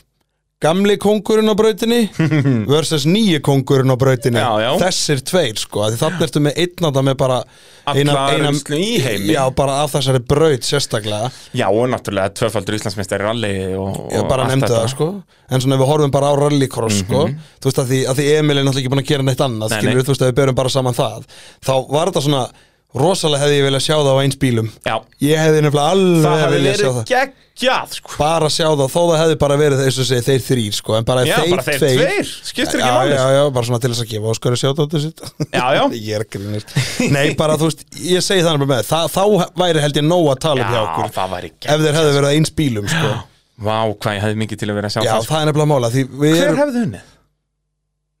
það er ekkert hægt að segja skilur, þú veist, Ég hef bara á mjög erfitt með það sko það er rosalega erfitt skilur, Þú veist, en það er Hilmi líka er samt svo djöfulli konsistant þarna sko En Emil er svo sem ekki að gera mistökin hann sko er líka það, þú veist, manst ekki þú veist, þú manst hvernig það var Já, já, það er rétt sko þú, veist, ég bara, þú, veist, þú manst hvernig það var í flokknum í fyrra og hvernig það var líka bara í reddneknum Já. þú veist, Emil er bara eitt besti vill ég að meina, eitt Já, besti bara- ökumaður sem hefur komið úr bara rallykorsinu Já, já það núna vantar hún bara samkeppni, sko ja, alveg bara hygglust sko Pældi hvað væri bara geggja að það væri bara allir á þúsund bílum þarna. hugsaður að ef að Emil væri í þúsundflokki Já, það væri að sletta rústaðum með já, fullri ég virðingu hugsa að tinni að hann væri að tapa, að hann væri að vinna tinna, skilur já, Emil. ég hugsa það nú með að við bara eða þú prófaðu bara í brautatímanum sko. Já, þú veist, en ég Emil, meina af hverju skellina sér ekki í þúsundflokkin bara já ég þú veist, það er náttúrulega, þau voru náttúrulega alveg hérna átta á tímabili í þessi fyrra sko, í þessum flokk, þannig að hann hefur eflust, ég hef svona kannski hort í það þú veist, að langa ekki bara að hoppa um flokk, heldur líka að bæta fá meira hrað í Já, bílinn, skilur til þess að bæta líka kannski En, sína þú veist, tímatöku Ég hugsa að Emil Samlur finnst þetta dreflega litt í þessum 1400 flokkin ég er alveg saman að því Uh, Þú veist, ég, sann, ég, ég, ég myndi, ég var Skemmta hérna. ógæslega til að sjá smáflokki. hann í þúsund já, vonandi bara, þú veist, já það þyrfti að plana þetta svolítið fyrir röddnekkin, annarkvort að fá almennilega mætingi 1400 eða þá að henda Emil í 1000. Mhm. Ég held það er mitt, uh, mitt mín ráleiking hérna til uh, familíunar. En við allavega hendur sjátátti á Hilma B. Þráinsson að Já. fá, fáðu lánaðan 1300 jari svo mættir þetta ekki inn á móti Það Emil það væri rosalegt, sko. En svo náttúrulega skellur, það voru tveir aðri skráðir hérna, en nei, bara einn, hann var svali náttúrulega var skráður. Já, en fyrir, hann var fyrir eitthvað- mútvarsmaður. Akkurat, sem hann var að koma þá í þriðja, þriðju kjæftuna, hann hefur mætt Já, þrisvar býttu, hvar, vissir þú um þessa hinnukeppni sem að himmi var að spyrja okkur um á Facebook? Nei, ég Nei, ekki man heldur. ekki eftir því, nei Ég man eftir hún vann 2009 eða hvað 2009, þetta var já. Þegar Ve- hann velti veltu bláa þarna seignum, já. Mjög bjánalega Já, mjög, bara alveg bara En það hefði verið geggjað að fá sval upp á braut sko. Akkurat, maður sjá það alveg greinilega þegar hann veltir þess að hann er með bílpróf þessi maður Já. Maður sér það alveg greinilega Þetta er ekki úlingur Nei, Þeir myndi akkurat. aldrei velta svona plebanlega Nei, þetta er þetta er mjög blepplega, það veistur þarna sko, það er mjög krútlegt líka. Já, mjög krúttlegt. Ég man nefnilega að því- að því þarna var mölin svo mjúk Já. að speillin brotnaði ekki, hann fór bara svona ón í mölina. Þarna var mölin eins og öryggismölin er í dag Já, bara Það- svona, já svona, bara nánast eiginlega má segja það sko. Já, þetta var alveg bara svona Þetta var, þetta var brautarhæðin engin sko. Nei. Nema ef það kom sko alveg stíf rigning og svo, þú veist, Já, og, og- og sólin síðan- á að baka brautina sko. Já, og s- síðan þá bara í úslitum með eitthvað þegar var búið að kæra þetta það mikið En þá náttúrulega var þetta svo hólótt að það var vonlust að kæra þetta Já, já, við vorum bara hoppand og skoppand út um alla braut sko. Sem var gott sjómasefni Með brautin er alltaf geggu í dag sko, miklu með ræðinni sko. heldur betur uh, Motorvarpið að samsögðu bóði bíljöfurs í Kópavoginum ef að það amar eitthvað að bílnum að þá skaltu bara heyra í rallyfeðgórum sjálfum í, í bíljöfri og fá hetjusögur með kaffinu þínu það er nú það sem þetta snýst allt um sko og ekki nóma að fara bestu þjónustuna þannig hjá þeim fá hetjusögurna hlölli í afgreiðslunni sko oh my lord Já, líka bara að skoða það sem er til er allavega. Já, nákvæmlega, nú eru við náttúrulega komið með bæði turbóbílinn hans uh, Batta, svo er komin tvinn turbóbíl í rallycrossið og svo er uh, non-turbó í rallið líka Já, og svo turbobillin að spatta í rallinu í rallinu, skilur, þetta er turbo, tvinn turbo og non-turbo Já, og svo Búm. einn turbogötubill Já. Þú veist, þetta er bara Þetta er- Og svo tvinnkaminn og tvinnkaminn náttúrulega, er, hann, hann er þó geimt hann er ekki þarna yfirleitt hann er Ég yfirleitt held í að séu nú geymsluhúsnæði. fæstir hann á vestæðinu Eða Batti er það, yfirleitt það með einn glittir yfirleitt í rallybílinn hann í bakgrunn einhvers staðar sko. Jú, jú, jú, jú en Batti, hann verður að mæta í opnaflokkin við tölum nú aðeins um opnaflokkin næst og, og ég ætla að koma með stór orð ég ætla að koma með yfirlýsingar og áskoranir hér þegar við fyrir að tala um opnaflokkin Já, já, ég veit alveg hvert í Mósesbæði þú ert að fara að senda hana Það er nákvæmlega svo leiðis, en við ætlum að byrja á 2000 flokknum. Þar voru þrýr bílar skráður til leiks, en eh, enn eitt sjátátið á hugsanlegan ökumann dagsins, Hilmar Pétursson á Toyota Corolla. Sko, ég nefnilega Ég er búin að vera að hugsa þetta svolítið, sko að Því mér finnst nefnilega bíllinn alveg gjössanlega sannaði sér bara ok, þetta er kekkjaður bíll þegar hann er í lægi en Hilmar fannst mér líka bara hann var svo, mér fannst það það sem ég vill svona frekar benda á, skilur að Hilmar fannst mér kekkjaður að því sko 1000 í 2000 þetta er rosalega það er alveg svart og ástæði fyrir hvítt. 1400 floknum skilur þetta er rosalega, úst að vera komið klætt, læst og slikka og allt þetta skilur mér fannst hann geggjaður hvernig hann var að keira hann líka bara Já, sko, í rauninni stökki frá 1400 er nánast ekki neitt, nei, nei, ekki þannig en um leið bara drivlæsing, það er bara alveg different beast. Þú verður að læra að keira upp á nýtt, sko. Já, því hún, sko, ef þú kannt ekki að keira með hana þá er betra að sleppa henni Já. Hún vinnur þá á móti þér ef þú kannt ekki að nota hana, skilur að beita í- þú veist, yfirstýringu og undir, þú veist, að- Já, ef þú ert bara á undirstýringunni á henni, skilur Já, já. Sérstaklega ef það er erfitt, gr- lítið grip, sko Vissið þú að ég hef kert uh, framdriftsbíl með læsingu á breytinni? Já, að Toyota Corolla sem faðið eins mýðaði Heldur betur. Varstu á þessum, þarna borg- var þetta ekki bíladagar Borgó? Jú, ég man líka þegar að Maggi bróðin bakkaði framan á þig Já, veist, við komum hann að tveir saman á gulu bílunum okkar, ég á landsernum og, og hann á korólinni og kemur valsarinn í pitt og þá er verið að keira brautina með pittnum sem mm -hmm. Mhm. byggt niður þarna, þannig að Maggi bróður skyndilega bara komin inn í miðra braut og bakkar og er ekkert að pæla í þessi fyrir aftan hann og bombar uh, Já, þú framan á var mig samt í spotta aftan í honum Já, Hann bara kom, erðu, já, ég þarf að bakka á ákveðin skellur Já, Uh, en eh, síðan fór vélinn í landsöndum og þar sem þetta var ekki einhver rallycross-keppni og það var engin einhver keppnistjórn og já kýrður eitthvað þá koróluna Já, út af þá var alltaf regla og þú mátti bara keira mest 1400 bíla og varst úrlingur Æ, ég man eftir þessu Ég fer á tjúnuðu kóróluna með læsingu og öllu saman fer inn í, fer- þá var bara kert malbyggið held ég Jú, jú, vinstri beigjan krabba fer þar slæjað inn í beiguna, snýst á stanum já þá komst ég að ég herði, já, það er læsing hér það er einhver að læra að keira upp á nýtt Þetta er alveg svart og hvitt sko, en Já. það er semlega, það er svo gaman og ég er náttúrulega að segja þetta því ég er náttúrulega svolítið mikil talsmaður lítilla framdreifspíla sko, Mhm. en þetta veistu, þegar þú ert með læsingu og grip á svona bíl, veistu, í alvörunni, þegar þú ert Þetta er komin svo tæknina, rewarding. það Ó. er svo gaman að finna þetta þegar þú ert komin, þegar þú finnur og fóst vel í gegnum beigju og ert að rótaði úr henni, skilur það, er svo geggjað sko, og eins og sérstaklega þú keirir þennan ring með fyrstu tvær beigurnar hérna að ma- munurinn á að geta nýtt hér læsinguna og ekki er bara að þú tapar þremur sekundum í þessari beigur sko. Já, þú veist, og bara bíl svona eins og til dæmis Corolla, eða bara allir 2000 flokks bílarnir án læsingar er þetta bara, þú veist, gervonlust Já, þú bara spólar og Þetta er spólar ekki og spólar. hægt, Já, já. þó það sé þurrt, skilur við, þetta Já, er þú bara ekki bara hægt myndir, ég held að þú myndir taka læsing úr svona bíl, þú myndir ándjóks tapa rúmri sekundu bara í þessum fyrstu tömmu beigum. Já, já, já, Ég já, held já. það. Þú veist, ég mann þegar við vorum að keira Ég var náttúrulega alltaf læsingalaus og aldrei með svona svoðidrifið en eitt þannig, sko Þegar við vorum hérna í krónuflokknum Þú veist, þá var ég á 125 stabla hondu Mm. sem er, þú veist, 75 pluss stöflum kraftminna en þetta, sko Já, já. En ég mann eftir því að manni fannst maður samt alveg maður var alveg á limmun á henni skilur mig Að missa hann upp í spól í rauninni. Já, þú veist, svona, og maður var að missa hann upp í spól áður en maður setti slikkan endur, skilur, en á slikkan þá fann maður alveg, þú veist, þú veist, og sérstaklega náttúrulega í rigningunni, sko, það var alveg hræðileg, sko, en í þurru þá fann maður alveg, hún var alveg á rótpunktinum, af því þú ert bara búin að færa þyngdina svo mikið, að þetta eru svo krappar beigur, sko. Akkurat, akkurat. En Hilmar eh, vinnur fyrstu tvo reyðlana bara nokkuð öruglega, bara þeir liggu við átt ekki breyk og vikar og Birgir Guðbjörns. Já, bara magnað. En svo uh, bara sprengir hann girkassan í ræsingu í þriðarriðli. Já, bara, það var í rauninni bara, kú- sem sagt, hérna, kúplíspressan ákvað það bara, hér nenni ég ekki að vera og ég er farin út Já. og það var bara bókstala þannig, hún lappaði ekkert út um hennar hurð Nei, það er bara húsið gjör á nýtt og Bara, þú veist, allt í steik. Þetta er bara svakalegt maður Þú veist, Hún bara braut sig út úr kirkassanum bókstaflega skilur Bara eins og að bara eins og að kasta bara frisbytisk í gegnum bara A4 blað Já, já. skilur En uh, hann síndi það alveg í eh, fyrsta riðli að þó hann tók rólega af stað að það vann hann samt. Þannig að hann gæti verið með þetta sama setup og bara vita að hann tapar ræsingunni og vinna það síðan bara upp. akkurat sko En við sáum hann lönsa af stað í öðrum riðli og það gekk í það skiptið en ekki í annað skiptið. akkurat sko, já líka bara hann er náttúrulega, læsingin hans er ekki komin Já. út af náttúrulega svona skrýtna ástand í heiminu þá er hann í einhverju vesinum að fá læsinguna sinna veit ég, hann hann er með soði drif Já, sko. sem er sennilega meiri þungun og pressa á já þetta, það sko. er það náttúrulega held, Það lítur að vera með að við LSD bara. Jú, jú, jú, jú, ég er bara að spája að þetta er náttúrulega bara í beinni línu, hún er ekkert farin að þvinga svo sem þetta er hliðar Nei, náttúrulega, kannski. en samt Alltaf um leið og Æ, beigir bara mér finnst pínulítið. alltaf svoðið drif í framdurspíl menn er, ég vildi aldrei gera þetta á sinni tíma, þetta Nei. var ekki einu svona hugmynd hjá mér ég hugsa bara, axtu þessi, nei ég vill alltaf geta sleft og opnað skilur, ég bara en, en þú veist, ég skil hann alveg hann er náttúrulega bara að redda sér, skilur, þú Já, veist, já. að því bíllinn er alveg vonleir, ég, hann prófaði hann með opnumkassa fyrst, sko, og hann sagði bara, þú veist, þetta er bara ekki hægt, sko, Já. hann bara, hann bara tætir annað hjólið, sko, hann er allt og bæði Það svona er djöðs power í þessum bíl Já, því hann er Þetta bæði kraftmikill og svona snarpur, skilur, Já, já. snöggur og snúning, sko, responsíft, sko. En virkilega vel hefni smíðið þarna hjá Hilmari Já, og alveg hans liði klárlega, sko. og, og við verðum virkilega gaman að fylgjast með honum en náttúrulega Íslandsmótið eh, Já, hann á, jú, jú, hann á starffræðilega möguleika á titli en, en já, á í rauninni ekki möguleika á titli og Vikar Karl Sigurjónsson, ríkjandi Íslandsmeistari nána stottin úr slagnum líka því að eh, hann klárar bara einn riðil, er þá í öðru sæti á undan Birgi en á eftir Hilmari í fyrsta riðlinum svo lendir hann í basli í næstu tveimur riðlum fer ekki, var það spindilkúlan sem fór í þriðja riðli Já, keirir hann undan í grjóta eða eitthvað. Og hvað gerist í öðrum reyli? Ég man það ekki. Nei, ég...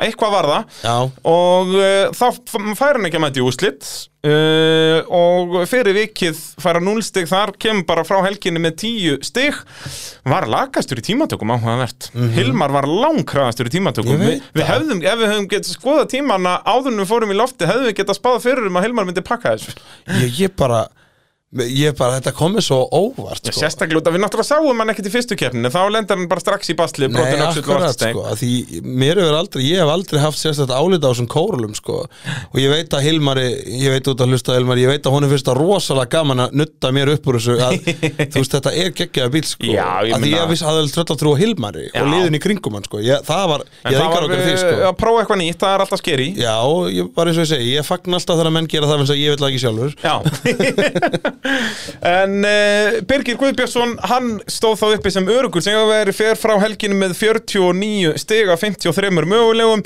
og er því með 94 stig í Íslandsmótinu af 106 mögulegum og er því komin hann með 32 stig af fórskot á vikar og í rauninni þarf bara að klára núna næstu tvær keppnir Já, já, já og uh, alveg bara hreint magnaður árangur hjá honum en leiðileg regla og við tölum svolítið um þetta í útsendingunum og mér langar að tala bara aftur um þetta hér að mér finnst að ég að fella út þessa reglu núna þegar við erum komið þetta stigakerfi í riðlunum með að, að það eru 10 stig fyrir að vinna riðlun 20 fyrir að vinna úslit Það var alveg búið að refsa en nóg Já, Það er alveg ef að- næg refsing. Þó að þú missir út tvo riðla finnst mér það eittir að með að ræsa úslit og þó að missir á öllum þremur Þú Já, veist, Þú allavega- ert búin að tapa það mörgum stigum að, þú veist, það er næg refsing Akkurat, ég allavega væri, ég væri allavega til í að heyra ef einhver vill andmæla þessu, vill ég heyra hans rök, skilur, að ég er alveg, ég er alveg sömu síðu, að, ó- út af því þú ert búin að fá svo mikla refsingu, þetta er, það er alveg búið að naga af þér annan fótinn, sko. Já, ég meina þú ert að tapa mögulegum 20 stigum ef þú sem, sem er missir af tveimur. rosalega dýrkeft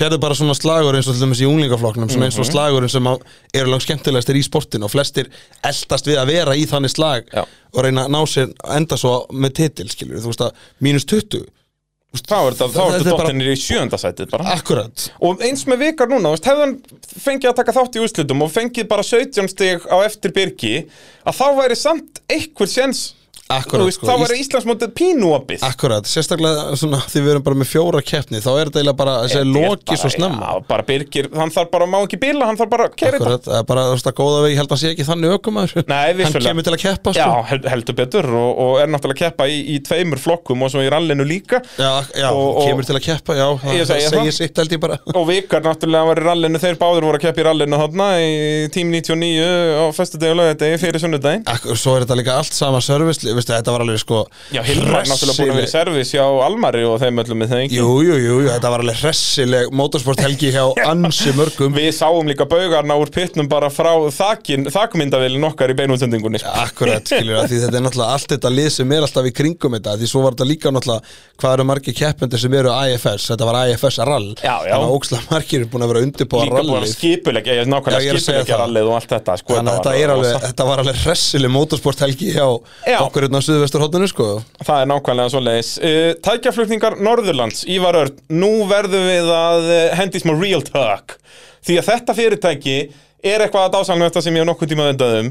Þegar ég sá þennan indislega Facebook-post frá þeim að tækjaflutningar Norðurlands uh, ásamt tveimur öðrum fyrirtækjum ásamt kraftflutningum og hérna og forbílar og tæki EHF Akkurat, akkurat. Uh, dásamlega fyrirtæki. Þau ætla að bjóða úlingum frían flutning norður að loka umferð Íslandsmótsins. Ah. Akkurat Þarna, þarna veistu að það er eðal, um, eðal fyrirtæki að ræða. Á, ó já, þarna sérðu það bara alveg bara svart á hvítu Já. að þú veist að því þetta er þetta, þe- veistu, þetta er bara ég ætla ekki að, ég veistu, mér veist það svo geggja þegar ég las þetta sko, þegar ég sá postum frá Alla að Já. þú veist, Alla í kraftflutningum að þetta væri sérst planið sko, að þeir eru búin að vera að kurla þetta í smá tíma sko, mér finnst Og- þetta alveg æðislegt sko, að því Já. þetta er ekki eins og ný sko á góðu verði hefði verið alveg frábært Já, En að og bjóð- allir hinnir fá gott verð, þú veist hvað er ekki, Akkurat. 60 kallið eitthvað Jú, fram og tilbaka, já. þú veist það er ekki neitt Það er ekki mikið sko, ég get alveg lofaði því að þú ætlar að húka sko bílakerru á, á þessu olíugjaldi Já.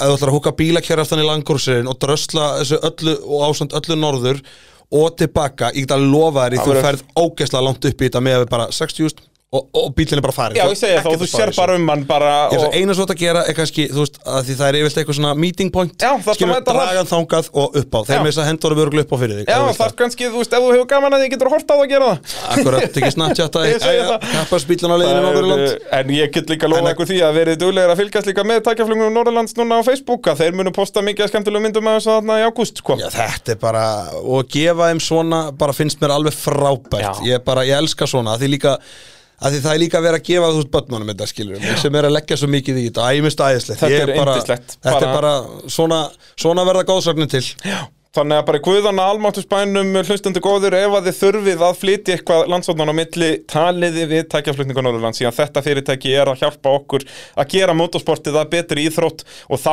er það bara skilda okkar sem að höfum gaman á motorsporti að vestla við þessi fyrirtæki. Akkurat Það er bara svo leiðis. Þegar að við getum auðvitað, þetta er náttúrulega ei, öll fyrirtækin eiginlega sem er að sponsa mótorvarpið, þetta er allt svona, þú, ef þú ert að vestla við, þú ert að lendi í ykkur slæmu, Já, þú veist, nema að þú varst að kaupa þér traktora á eistfjörðum skilur og þá, þá getur þú fengið það til að flytna fyrir þér, en annars er þetta svona ef þú lendir í tjóni, ef að bílinn er bilaður, en, en Já. ef, ef að þú lendir í þessu, þá, þá verður að vesla fyrir þessi fyrirtæki, það er bara svo leiðis, og tala við, við fólkið um, heyrðu, ég heyrðu af einhverju mótavarpinu, Akkurat. þá verða þér gladir í sálinni. nákvæmlega Heyrðu, þá var það fjóru sinni fjóru non-turboflokkurinn. Það var svona, eh, hann varð mjög fljótt, mjög leiðinlegur bara þessa helgina. Þetta lofaði mjög góða, það voru einhverju hvað átta bílar skráði til leiks eða eitthvað. Það voru strax nokkri sem að mætti ekki til leiks og svo Já. mistu við strax í fyrsta riðli út eh, tvo bíla á, á svipaðan hátt. Eh, Óli Tryggva náttúrulega aftur með girkassavesen eitthvað. Akkurat En, en snýr hann að fyrir upp í dekkjaveikin í, í vinstri beginu fyrir framann eh, stjórnstöðina, eh, svona hættilegu malabeginni. Já, maður sér það hvað hann ætlar að gera skilur. Hann er að koma hann í þriðja örgla og þú veist, allar veist, að setja bílinn upp og setja nýr í annan og bara finnur ekki gýrin Já. þannig Og að hann þá næri ekki að snýr grípa hann hann og bara. þá bara snýr hann og bam en það, hann fór alveg sakleysli í veggin Já, sko.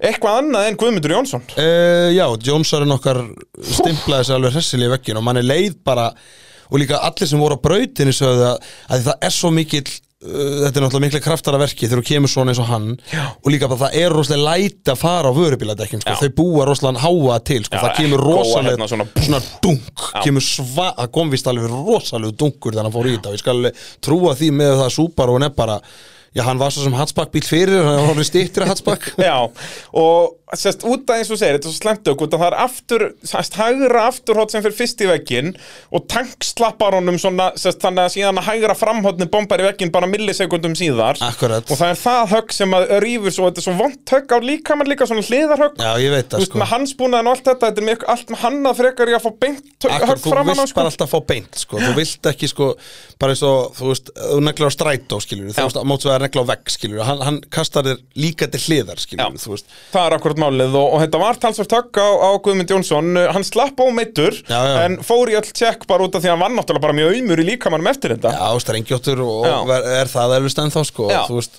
ég er að senda hann skilabóð aftur en já, já, en, en þetta slapp samt allt svona með hvað, hann- hvað mann fær alltaf svona pínu fyrir brjóstið sko, þegar það svona Já, er bara um sko. leiðum að sér sjúkarabílinn, það manni líður aldrei vel akkurat skilur Það er bara þannig En motorsport er hættulegt, megum aldrei glemma því það er bara þannig skilur þú bara, mómentið svo gleymi því þá getur þú lendi í kröpum Há fer fjö, allt fjandans til uh, Svo, en sérst já, Óli Tryggva, hann er þá núna Ég starffræðilega á hann möguleika á titli En uh, hann á ekki möguleika á titli Hann er kom með þrjú stig eftir fyrstu tværumferðir Og uh, Sérst já, mun ekki ná að verja Íslandsmeistaratitil Enda er þetta líka bara bíllinn að segja honum Herðu, ég nenn ekki að vera í þessum flokk Það er svoleiðis, snáaði í opnaflokkin Er þetta ekki fyrsta, fyrsta hérna, challengeð okkar að eh, Óli Tryggva snáaði í opnaflokkin Þú átt ekki möguleika titli í þessum flokki, farði í opna Akkurat Eina vitið Snáðaðu Ég vil sjá núna bara í næstu keppni átta bíl í opnaflokki Á minnstakosti Elskar hvað, við erum hygglust Þetta er svona Óli er búin að vera þetta svo lengi og við erum búin að tala svo oft vel um hann Já. að núna megu er bara að láta Já, hann heyra nú getum við látið hann heyra það sko. Bara Hann því er búinn mig- að koma sem gestur hérna Ég talaði bara mega vel við hann þá Nú getur drulla alveg yfir hann hægri vinn Akkurat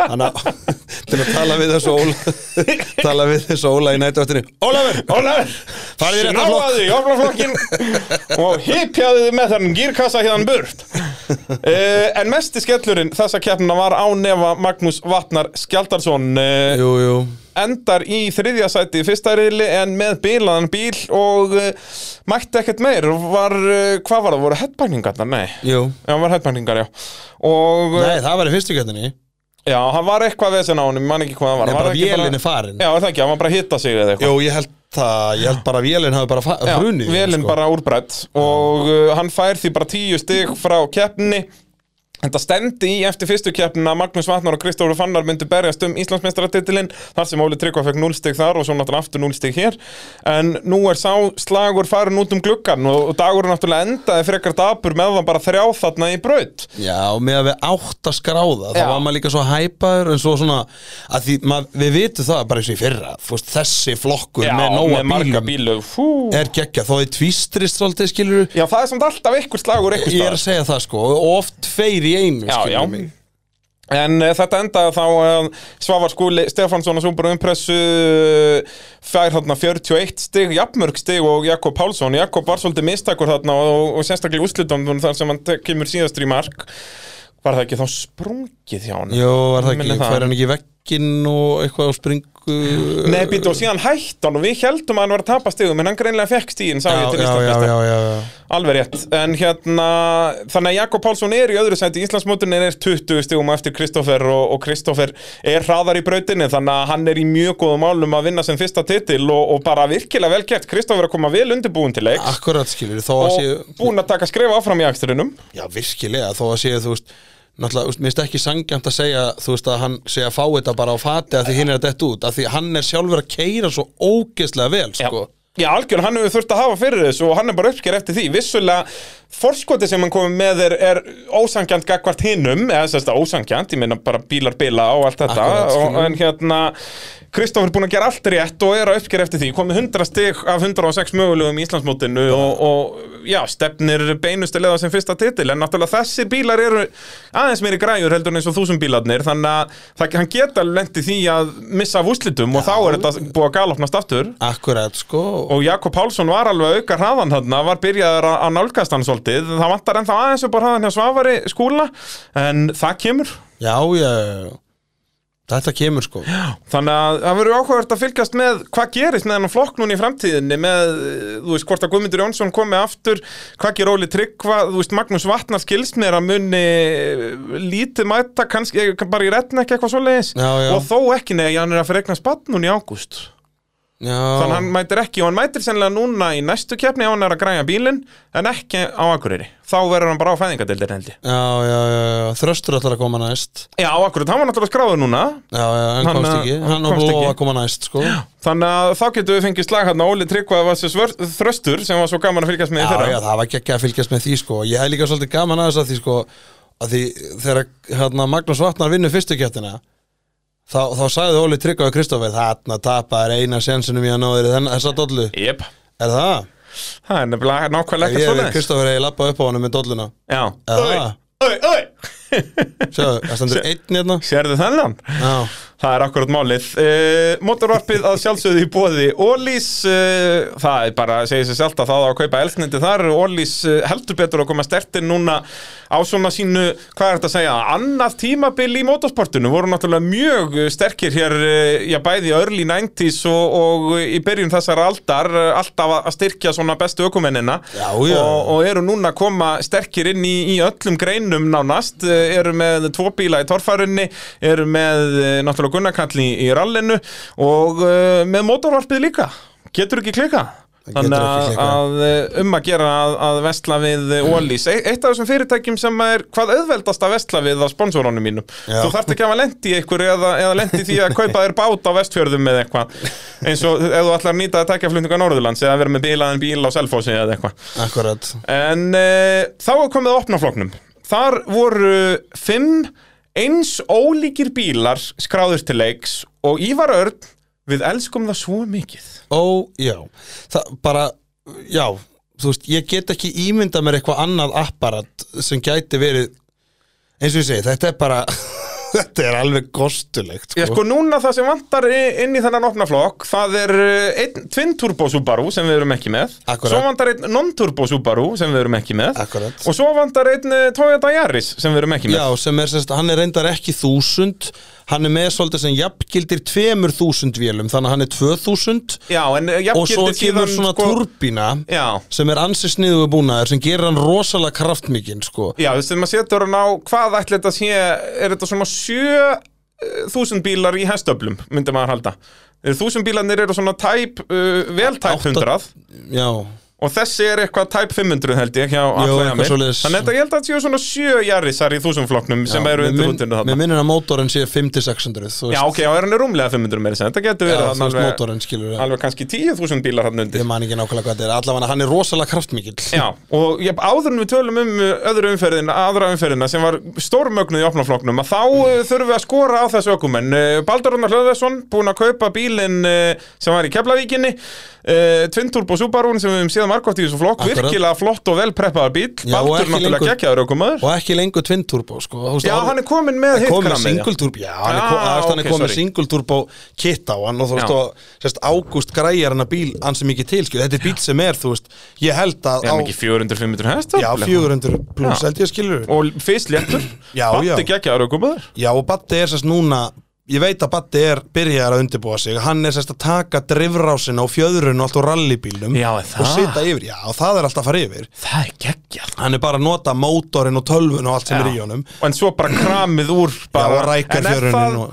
dogbox í, já það er dogbox í rallybílum já, já, dagbaksið og, og lágu hlutföllin og allt, það fyrir allt Þetta yfir í verður hann. opnuflokkurinn mikil veistla Já. Það er eins gott að mæti 9. júli Já, ég vona það, sko. Já. hann, hann, ég veit hann var að horfa á röddnekkina því hann vildi bara geta gert þetta almennilega Já, Batti, En- ég ætla að vera með svo flotta bein útsendingu núna 9. og það verður eiginlega að mæta þú verður eiginlega að mæta já, Fá viðtal við Ípa líka, ég meina hver myndi ekki vilja það Já, nákvæmlega Þetta bara getur ekki klinga Þannig að Batti, hann verður að mæta Atli Jamil Áskjusson Já. Ég man að hann, það, við fengum alltaf þar fréttur frá liðinu þá ég heyrði hann aldrei beint frá honum en ég tekur svo samt sem heilugum sannleika það var alltaf sko að við nefnum ekkert að mæta, það mætir enginn annar Já, hvað er að gerast núna? Drullast upp á braut? Akkurat, það er bara fullt af alls konar þetta og fá, að fá Jarisinn inn í þetta líka út að þú veist og þá myndir líka allir hinnir þurfa að steppa eftir game sko Já, og líka bara, úst, að því Ó.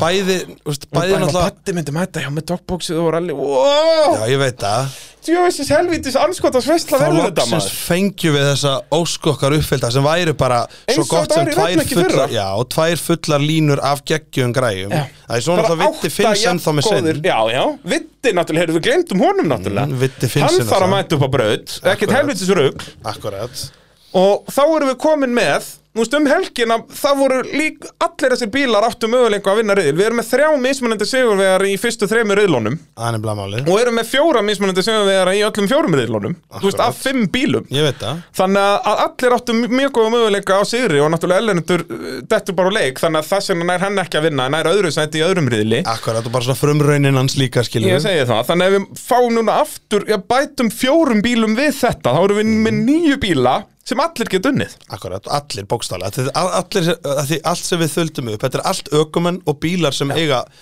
virkilega góða möguleika á því sko 9. júli mætiði Ó já það er bara svo leiðis, þetta verður í þráðbeinna motorsport.is, mæti upp á braut og þið keppendur sem eigi bíla í opnaflokknum, þið eru að fara að skrafa ykkur Akkurat sko eins og þetta, ég segi. þetta gengur ekki lengur sko. Akkurat, það er bara eins og ég Batti, ekki náttúrulega bara markbúin að sanna sig úst, Íslandsmeistari og úst, markvaldur Íslandsmeistari ralli og bara er geggjaður ökumæður og Sýndi þetta það bara er upp á geggjaður braut í bíl retneknum þegar hann var á græna bílum að spikka að- að- það- Enga sem þannig á tökum á honum Já, sko það er bara og þó hann var alltaf hægur að staða þannig að hann að vinna sig upp í braut og allt þetta sko. Akkurat, og allir ég að vel þurfum við alltaf að kynna Hann er Nei. geggjaður ökuþór á geðveiku bílskilur Já, og var búinn komið með svo gott lag á þessari Já, ég græni veit það, skilur, hann þú veist, það var byrjaði- það sem var svo dásamlegt Ég veit að þetta var svona náttúrulega eins og eðlilega er bara svona fyrstu skrefin á sem bílskilur þú veist, en þú veist þetta var orðið svo það var, var bara unaður að horfa á hann keiri í brautinni sko. heldur betur en pældu já núna eigum við í andjóks raunverulega möguleika á að fá nýju 500 hestafla græjur Þú veist, það er ekki í sko BTRDA mótaröðin í Bretlandi þar er ekki svona margir bílar sko. Þú veist, það er vissulega í heimsastarmótinu og breska, já, breskamótinu en þú veist, í klöppmannmótunum við erum núna bara komnir á það level Akkurat. á litla Íslandi sem sko. er geggjað þetta er svo styrlað og ímyndaði þér þegar þeir eru að fara að stað líka bara sprengingan og lætin þegar allir þessir bílar Já, þú veist, að þarna verða að meðaltali eh, 500 hestöfli bíl, það eru sömur aðeins meira og sömur aðeins minna og ef við erum með nýju bíla þá erum við komið með þarna helvíti mikið af hestöflum það er bara svo leiðis ansi mikið að kappast í bensíni að flæða Já. hann aftan úr þegar þeir eru að Þetta starta eru hvað, þarna Nei, þú 4500 hestöfl Þú veist, þetta er geggjað eins og þetta er en við viljum alltaf meira og, við, og við, líka út að við vitum að það er möguleiki Já, sko. akkurat, akkurat, þetta að þetta er ekki einhver óraunsær möguleiki skilurðu mig. þessir, þessir ökuþórar að þeir komi, eða þessi lið Já. komi að nefna braut sko. Þannig að núna sko allir þessi sem er búin að telja upp í veita þeir eru að hlusta á mótorvarpið Þannig að annarkvort núna farið í tölvuna og skráðu ykkur til leiks 9. júli eða þeir sendið mér skilaboð með einhverju bjánalegra afsökun fyrir af hverju þið skráðu ykkur ekki þannig að ég geti mögulega reynd að bakka ykkur upp í næsta mótorvarsætti en ég mun samt ekki gera það, ég mun bara gera grína ykkur já, já, bara drullur Þannig að verið í sambandi við okkur ípa ef að þið eru með einhverja bjánalegar afsakanir en eh, farið annars inn á skráning.rækis.is og skráðu ykkur bara til leiks nákvæmlega og allir sem eru í liðinu eða vinir og frændur og Já, frængur ýta vel á ítið það. nóg í það, Já, bara látið það ekki bara- í friði Ég ætla upp í bílöfur bara strax í fyrramáli að fara að baka það Það er Skvetta bara svoleiðis. kaffið í Badda. Já, skve- Baddi, skve- fara að gera hérna bíl já, Þetta, þetta hægt gengur að ekki lengur. smyrja hana sér og kí Já. byrja að vinna í rallikuspílum, forgámsa það Nákvæmlega En förum þá aðeins yfir keppnin í opnafloknu sem var núna í annar umferðinni Því að þetta eins og segja var stór mögnuð keppni Fjórir mismunandi sigurvegar í fjórum riðlunum En stigahæstur eftir daginn var sigurvegar njúling í, í úslitunum Guðmundur Eliasson á afl minnsta bílnum, er það ekki rétt hjá mér? jú, ég svona held það Hvaða Jú. kram er í þessu? Veistu það? Jú, þetta er tvekja litra turbo Subaru og þú veist Er með- þetta ennþá Vaffer X kram bara? Já, nei, þetta er, sest, þetta er sko E GT EJ20G mótor sem er sest, þetta er 95 árgerð af Turbo Subaru sem er Ah, ok. með flottari mótor heldur en þú veist 99-2000 GT Ó, Ah, ok. en, þú veist, já, hann er með sest, hann, hann var henni flottari svo hefur hann verið þú veist, of dýra framleiðan fattar Já. þannig að 95-67 GT pressa er miklu flottari heldur en 99-2000 GT Já, pressa já. að þið tóku driflasingun úr minku veist, ekki mótorin ekki eins flottur og svona hann er með þú veist háspenni kjafla hvert sílindir og alls konar svona eitthvað Ok. en allavega þú veist og svo er sjálfskipting hann aftan hann allavega eftir að þarna Eftir að torfæru fólki komst í þetta Já, Ingo Eh, G- Gutti GK og- viðgerðir voru að dandalast í þessu og Það er ekki sjálfskipning í þessu já þetta þýtti ekkert maður þegar kjartan var á orðið þetta er nú alveg ómöðlegt minna 1, 2, 3, 4, 5 hver mann þetta Ég- ég- Þeir eru að- það er bara þrjú þreip og ekkert vandamál nei og þetta þú sérð það bara og svo er sko gas til þess að þú veist ná honum Ná honum upp á snúning Já, í rauninni þú veist og ég meina, þú veist, ég man alveg þegar hann var að þessu, ég bara, hvað er þú, hvað er að Hann var að breyta Subaru Impressu eins og hann væri að breyta torfærubíl Og ég Akkúrat, elska sko. það svo mikið Já, og svo, svo fyndið að heyra og tala svona fyrst við erum að tala um þetta bara eitthvað, hvað að við sem var á bílum, að við slitum með vona á hann og loftin eins og hann Þetta er tvekkjaldra Subaru Þetta er svo skemmtilegi torfari kalla Blanda svona saman sportum Já, sko. þetta var geggja sko En, en sest, já, þetta er eh, station impressan hann Og gummi Já. flottur og mættatileg Skellur og mætti ekki í fyrstu umfyrirna Því annars væri hann bara í bullandi slagum Já, Mislasmeistaratindi þetta er alveg geggjaðu bíl sko og þú veist, Já, og hann, Gummi náttúrulega sennilega bara með fullir vinningu fyrir öðrum bestu ökumæður hann í opnaflóknum. er, hann er rosalega Hann er góður upp þér, sko. Já, já, já, já, já, alveg klárlega Hann er alveg geggjaður öku þá sko Var hann ekki Íslandsmeistar úlingaflokki? Ég er minnir bara, það. man, það er svo mörg á síðan Hann sko. er allan búin að vera þarna upp á sko. Ég man, alltaf, brauðteilingi. ég man allavega alltaf eftir því að hann vann fyrstu keppninu sem hann mætti í 15 ára gamall með alveg þokkalega samkeppni, ekki alveg eins og í dag Nei, nei. en hún var En- samt, þú veist, hann var ekki bara þeir voru ekki bara þrýr eða Nei. þrjú eða eitthvað Akkúrat, skilurðu. akkúrat. þú veist, þau voru alveg þó nokkur ég man alltaf eftir því þegar hann vann hana að maður sá það bara alveg, já, þú ert eitthvað búin að vera að kera í sveitinni Já. það leynir sér ekki, sko og hann er bara, og, og hann svo er hann löngu búin að bakka það upp að það var ekki bara eitthvað one hit wonder Nei, Hann- nei. hann er geggjaður Já, já. ökuþór, sko. Og bara eins í torfærinu, hvernig hann kom alveg óhrætturinn í hana og bara fór Akkúrat, beint í sko. börðin, sko. Nákvæmlega. Bara þvílíkt svona natural talent þarna á ferðinni, sko. Akkurat, og það er náttúrulega ekkert, þetta er náttúrulega, þetta er náttúrulega þröng braut og það er ekkert alltaf best að vera með mesta poweri þó að hjálpi er alltaf, skiljum Já, já. Sérstaklega svo, svo er bara þessi, svona ef okkur leiður að segja títas strategían, skiljum, að leifa hinum að boksa og þú læðist svo bara aftan aðeins búmið jókaringin, Já, ég meina Gummi var hraðastur í, á, á brautinni. á ringnum, sko, Já, já. maður sá það, Það er sko, bara það var alveg ekki ræðastur svoleiðis. í startinu, sko Uh, hann var í öðru sæti í fyrsta reilunum en í fyrsta sæti í fyrsta reilunum Steinan og Kjartansson uh, þá voru svona flest allir aðrir ennþá í pínu bastli með uh, bílanna Birgir Guðbjörns náttúrulega brýtur hvað eitthvað öksul eða eitthvað í Já. ræsingunni strax uh, Getas lendir í eitthvað svona safe mode dæmi á sínum bíl og Erlendur uh, sömulegis í eitthvað smá bastli með Bensan en uh, byrjum aðeins að tala um Steinar uh, eins og segja vinnur fyrsta reilin lendir svo í tómu bastli þarna í öðrum reilinum Já. bara þegar hann sér ekkert fyrir riki og er bara í, í einhverju tómu rugli og enda bara síðastur Uh, svo nær hann þriðasæti í, í þriðjariðlinum og endar svo í þriðji í úslitum líka, endar daginn með 42 stig en var hraðastur í tímatökum þannig að uh, hann var hraðastur hann framan af en, en svo þegar hinnir fór að læra og það voru sem náttúrulega margir að mæta með nýjar græjur Akkurat, þegar sko. þeir fóru að læra á sína græjur og, og hætti bílanavessin að þá heldur betur uh, jókst hraðinn Já, minnst líka geggja bara að þú veist, hann hafi, þú veist, sínt á að sanna enn einu sinni, sko, hei, ég á hana flokk, sko, með að ná fyrsta sætinu strax bara í tímatöku, sko Já, og Steinar náttúrulega leiðir er núna Íslandsmóndin, það er hörku slagur Íslandsmóndinu Steinar er þremur stegum á undan eh, Birgi Birgi, Guðbjörns já, já. Eh, Birgir náttúrulega tapar hann að mögulegum tíu stegum í fyrsta riðli þannig að hann er alltaf svona on the back foot eh, nær fjórðasæti í öðrum riðli en vinnur svo þriðja riðlin en endar svo í öðru sæti á undan uh, Steinarinn Óa en þarna náttúrulega er hann með ranga strategíu í úslitunum hefðan farið fyrr inn í ókerinn þá hafði hann verið á undan Guðmyndi sem hefði verið svo mikilvægt að fá einn upp á milli sín og steinar því að þá væri hann núna að leiða Íslandsmótið þegar hann væri, hann væri jafn, Já. þeir væri báðir á 90 stíu þannig að Birgir var að setja sig á annarsættið í Íslandsmótunum þarna þannig að núna er hann í þessum þremur Íslandsmótum sem hann er að keppi uh, Abbi varahluti fór okkur í rallinu, er hann í öðru sætti er í öðru sætti í opnaflokknum í rallycrossi og fyrsta sætti í 2000 flokki í rallycrossi þetta lítur ákjall út Já, ég held að með ég segja það okkar Já. maður sé að gera ágætsluti það er, það er óvægt að segja það Það menn hafa allavega gert verið luti Jú, Eh. Þetta er virkilega vel gert og þetta er líka bara svo Þetta er svo skemmtilegu keppandi Já. Að fá inn í sporti að fá og líka, bara að drepast úr jákvæðni og þetta er allt svo Já, dásamlegt í ég er að kringum meina allt, það sko, þú veist, þetta er ekki bara það að hann sé, þú veist, keppandi mikið og með flotta bíla og svona skilur, þetta er bara líka rosalega flottu keppandi sko. sko. algjörlega, algjörlega uh, Getas Karpavisius tölum aðeins um Getas búin að vera að keppa núna í íslensku motorsporti hvað síðan 2018 er það ekki, byrjaði í rallinu 17 eða 18 18 held ég. 18 held ég Já. uh, Byrjaði í rallinu, eh, svo tiltölulega nýkomin í rallycrossi þá á eh, rallybílnum oft og, og, og er náttúrulega með tvo Subaru og þar held ég er það Jú, ekki jú. Eh, er síðan núna komin á þetta indislega apparat, þetta er Volkswagen Polo bara svona MK5 Polo bara svona nýreilega Já, svona 2015, 16, Já, já. 17 Polo akkurat, sem er með krami, sest, þetta er hvað, Vaff 6 vil í þessu Já, þetta er sérst sama þetta er sérst sama árgerð og þessi og sérst R-golf þú veist, það er til Já, úr golf, sem sagt ekki Polo sko- Já, golf Já, Þú veist, svona R hérna, Já, sem- heitir þetta ekki R32 eða eitthvað Nei, nei, þetta hét það, nú Já, heitir já. þetta bara R og þetta er sko 400 og f- ég held þetta sé grínust 450 hestöfl orginal Já, með sko, hann er enda beinskiptur en þú veist, þeir koma með sjögýra DSG DSG, skiptingunni, já, já. og, veist, og ég veit allavega að það er uh, sérst, sá sem, sérst, þarna, það var alltaf svona bílmannstu þarna í um ringakstrinum já þú veist, svona golf, akkurat, skilur, já. þú veist, og á- átti bara, sko, þú veist, það átti engin annar fólksbíl, svona fjöldarframlöndi fólksbíl, átti ekki, sko, sjens ína tíma, sko, þetta eru svaðalegi bílar, Og sko. þetta var samt, þessi golfarna var ábygglega 1,5 tonn rúmlega, sko Já, já, með meira, þú veist, Já. þetta er rosa, svona golf, svona bara, þetta er alveg þýska bolla, sko, Já, já. og allar öryggistadlar og allt, skilur, þú veist, og, þú Og veist, það voru náttúrulega bara airbags og aftursætt og allt ennþá í þeim bíl, Já, eða ekki? jú, jú, jú, jú, menn það er örgulega bíl sem er örgulega, ég grínlaust 16 tökka kíló bara eins og gammal teppaflokksbíl örugglega bara, skilurðu. það, það bara geti vel verið Ég held það, því Volkswagen hefur nú yfirleitt verið í þingralagi, sko, því þeir eru Já, nú já. svolítið bollur, sko.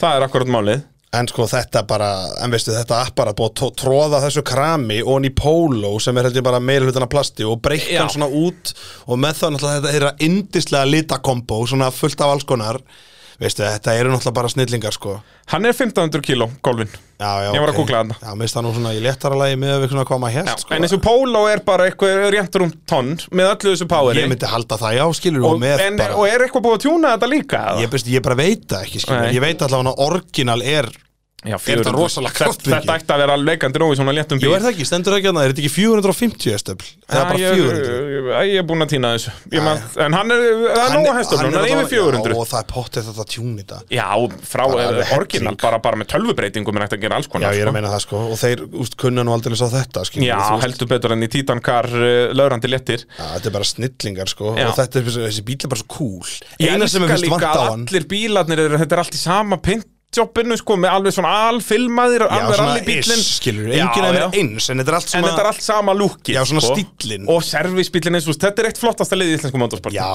já klárum Það er bara títankar liðið já þarna mér finnst þetta svo geggja sko Gekkja dæmi sko bara líka skemmtilegir jákvæðir og bara Já, svona skemmtileg, og en núna líka ná bara hörku árangur, þú sketast þriðji í rallinu á lögadeginum geggjað uh, Títast náttúrulega í bara hörku slagum Íslandsmjöndstæðatitil einu stíu eftir Jóhanni akkurat og, og getast núna í, í, með geggja sjó í opnafloknum skilur, missir þetta fyrstu kefni, bílinn ekki alveg tilbúinn Eh, akkurat og klúrar hann einu híti að því bílinn bilar eitthvað Já, hann en hít það- tvö ef ekki Nei, hann vinnur hít 2, það Já, var já, hítið já, sem já, hann vann fyrsta hítið. Já, og svo bilar hann aftur í þriðja híti og, og ennþá eitthvað vesen í úslitunum Já, en ég maður bara þegar hann startaði öðru híti að maður bara á að því, Og bara á- út úr, út úr beigjónum bara já, veistu, minn, hann er ekki að ræsa við hliðina á okkur um þúsund bílum sko.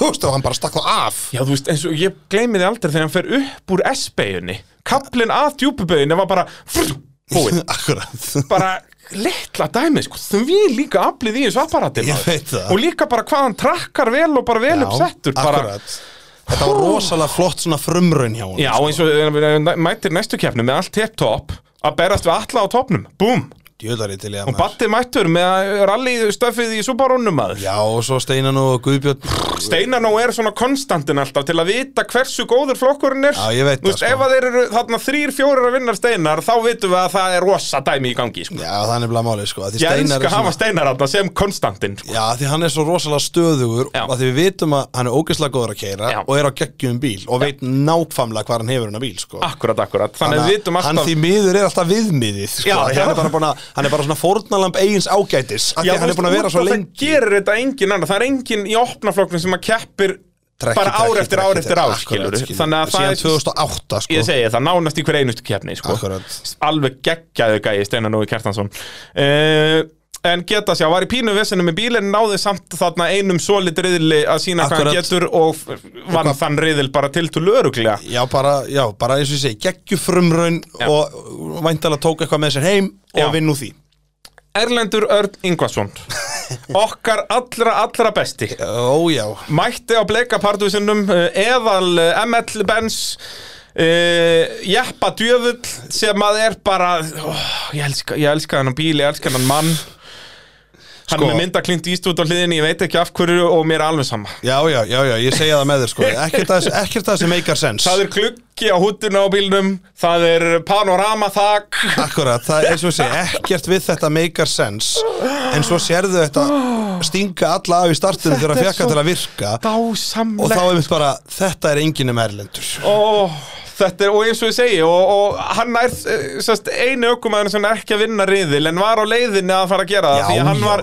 í basli í fyrsta riðli síðan er hann annar í öðrum riðli bara á eftir geta sig á, á sínu rocketshipi þarna Jú, jú. og svo steikir hann skiptingu í þriða riðli og keppir ekki meir Já, veist, ég skal bara viðurkenna það að þegar maður sá þennan bíl fyrst eflust eins og margi þá hugsaði maður með sér bara hvernig ætla sé að beigja þessu Svo tekur hann og ríkur að stað og maður bara svona fjekk pínu vú, vú, vú, vú, en Já, svo veistu- bara hann er að fara að stökk út á krísugu Ég- bara ég eins hélt og þú að að það þetta- er í útsendingunni Já, ég, ég, ég, ég, ég, ég held að hann myndi bara enda út í námu Já, skilur, já. þú veist, bara, bara hann var komin upp í sennilega 120 bara fyrir fyrstu beigju á þessum 100 metrum sko. Því líka powerið í þessum bíl og svo bara, en svo bara bremsar hann og beigir akkurat, og maður bara, er þetta ekki Úst, fyrir mér er þetta eins og að smíða kapparsbíl úr sko, Toyota Hiace Já. þú veist svona þannig sé skilur maður er bara, úst, og svo bara hvernig anskotanum fer hann svona rætt út rættum beigjum og svona alltaf ekkert bodyrólega neitt skilur, náttúrulega búið að lækka hann og stífa hann og allt svo Já, og náttúrulega það er búið að færa, það er búið að taka alla þyngdin úr honum náttúrulega og það er engin þyngd efst Nei, skilur, ég veit það það, er hún til er að bara láta þyngdapunktur Ég veit það, þú veist, þannig að þú veist, þá spyrði þig Af hverju er heimskulegt að nota þennan bíl Ég segi það. Ég bara smíða þann til þess að láta þetta virka Þannig að maður bara að því Þetta er ML Benz en svo bara sjá þetta keiri brautinni Ok, já, náðu góðri beigju, svo næsta beigja, næsta beigja, næsta beigja Og maður bara, og maður, við mann bara eftir, við horfðum okkur annan bara Já. Ertu ekki að grínast það? bara trakkar geðvægt á malbygginu, slætar flott í mölinni bara allt upp á tíð Rótar út í beigjum, bara Já, keirir bremsar vantar ekkert flott aflið þarna Nei og bara einhvern veginn, þú veist, og ekkert svona tæta á öðru hjóli, einu hjóli eða eitthvað, hann bara, þetta er bara, já, þetta er bara ML Benz sem er geggja kapparspíl. þetta er setting sig, þetta myndi aldrei Ég segja. veit það, og þess vegna ég elska hennan flokk og ég elska Erlend Örn Ígvarsson, það er bara svo leis Það er Ég ekki elska mann hægt annað. Það er bara, þetta er svo indislegt Uh, Mætir með bleikapartu sinn Sind og skömma að bílinn og dótturinu Hann er ekki bleikur, hvers slags eiginlega er það? Hann var ennþá bara í orginal litnum Já, það verður að hljóta græja þetta. málan eftir velturnar, hann Já, getur ekki já, hann já, að verið já, sko. já. Hann lýsa Það María fór svo, hann tók öruglega lakkið sem átti að fara á ægón og málaði vélinn í bensanum. það er svona álíka það mikið er málning. allt, allt mála þarna ég og, og veit það. gluggi orðið, þú veist, eins og segja, endilega mætu upp á braut 9. Já, júli kíkið á hann. Þetta er rosalegt Þetta dæmi, er sko. geggjað apparat. og eins og segir með glugga hún í hút það er, það er ekki margir að vinna með það það eru bara Lamborghiniar og, og Corvettur með svoleiðis og erlendur. og Erlendur að sjálfsögðu Þetta er bara, en ég mæli með bara að kíkja eins í kringum og opnaflokksbílana, þetta er rosalega græjur og mjög gaman að skoða þær sko Uh, Þriðja umferðin fer fram 9. júli verður í þrábetni á motorsport.is með uh, Já, ég ætla að vona, vona og lofa uh, flottust útsendingu okkar hinga til, Íbbi verður á staðnum í viðtölunum uh, já, ennþá eftir að finna eitthvað með mér í stúdíóið, ég græja það, það er nót til að fólki í það uh, Svo er það náttúrulega núna næsta helgi önnurum fyrir Íslandsmótsins í Rallakstri fer fram á, á Kaldadal og þar í kring hægt að finna upplýsingar um það rallin á bkr.is ef þið viljið mæta og, og fylgjast með, Uh, annars bara þakka ég kærlega Ívar fyrir að að mæta þetta og bara geggjaða þáttur Já, ég held að Við erum ég, búin að bladra í tvo klukkutíma, Ívar já, veist, ég held að þessi þáttur ég sagði, já, já, núna tökum við bara svona renning Klukkan er margt, skilur Ég við segja bara það, klukkan sko, við erum að taka þetta upp Núna er klukkan að þetta í 11 sko. En þetta er alltaf það sama, helmingurinn úlingaflokkurinn Já. og, og helmingurinn er hitt Það er bara nákvæmlega svo En já, leis takk fyrir mig Þetta var indislegt og allt saman í bóði Abbi var að hluta bíljöfur, spíla.sins, ólís og takkjaflutninga Norðurlands Þangar til næst, bless bless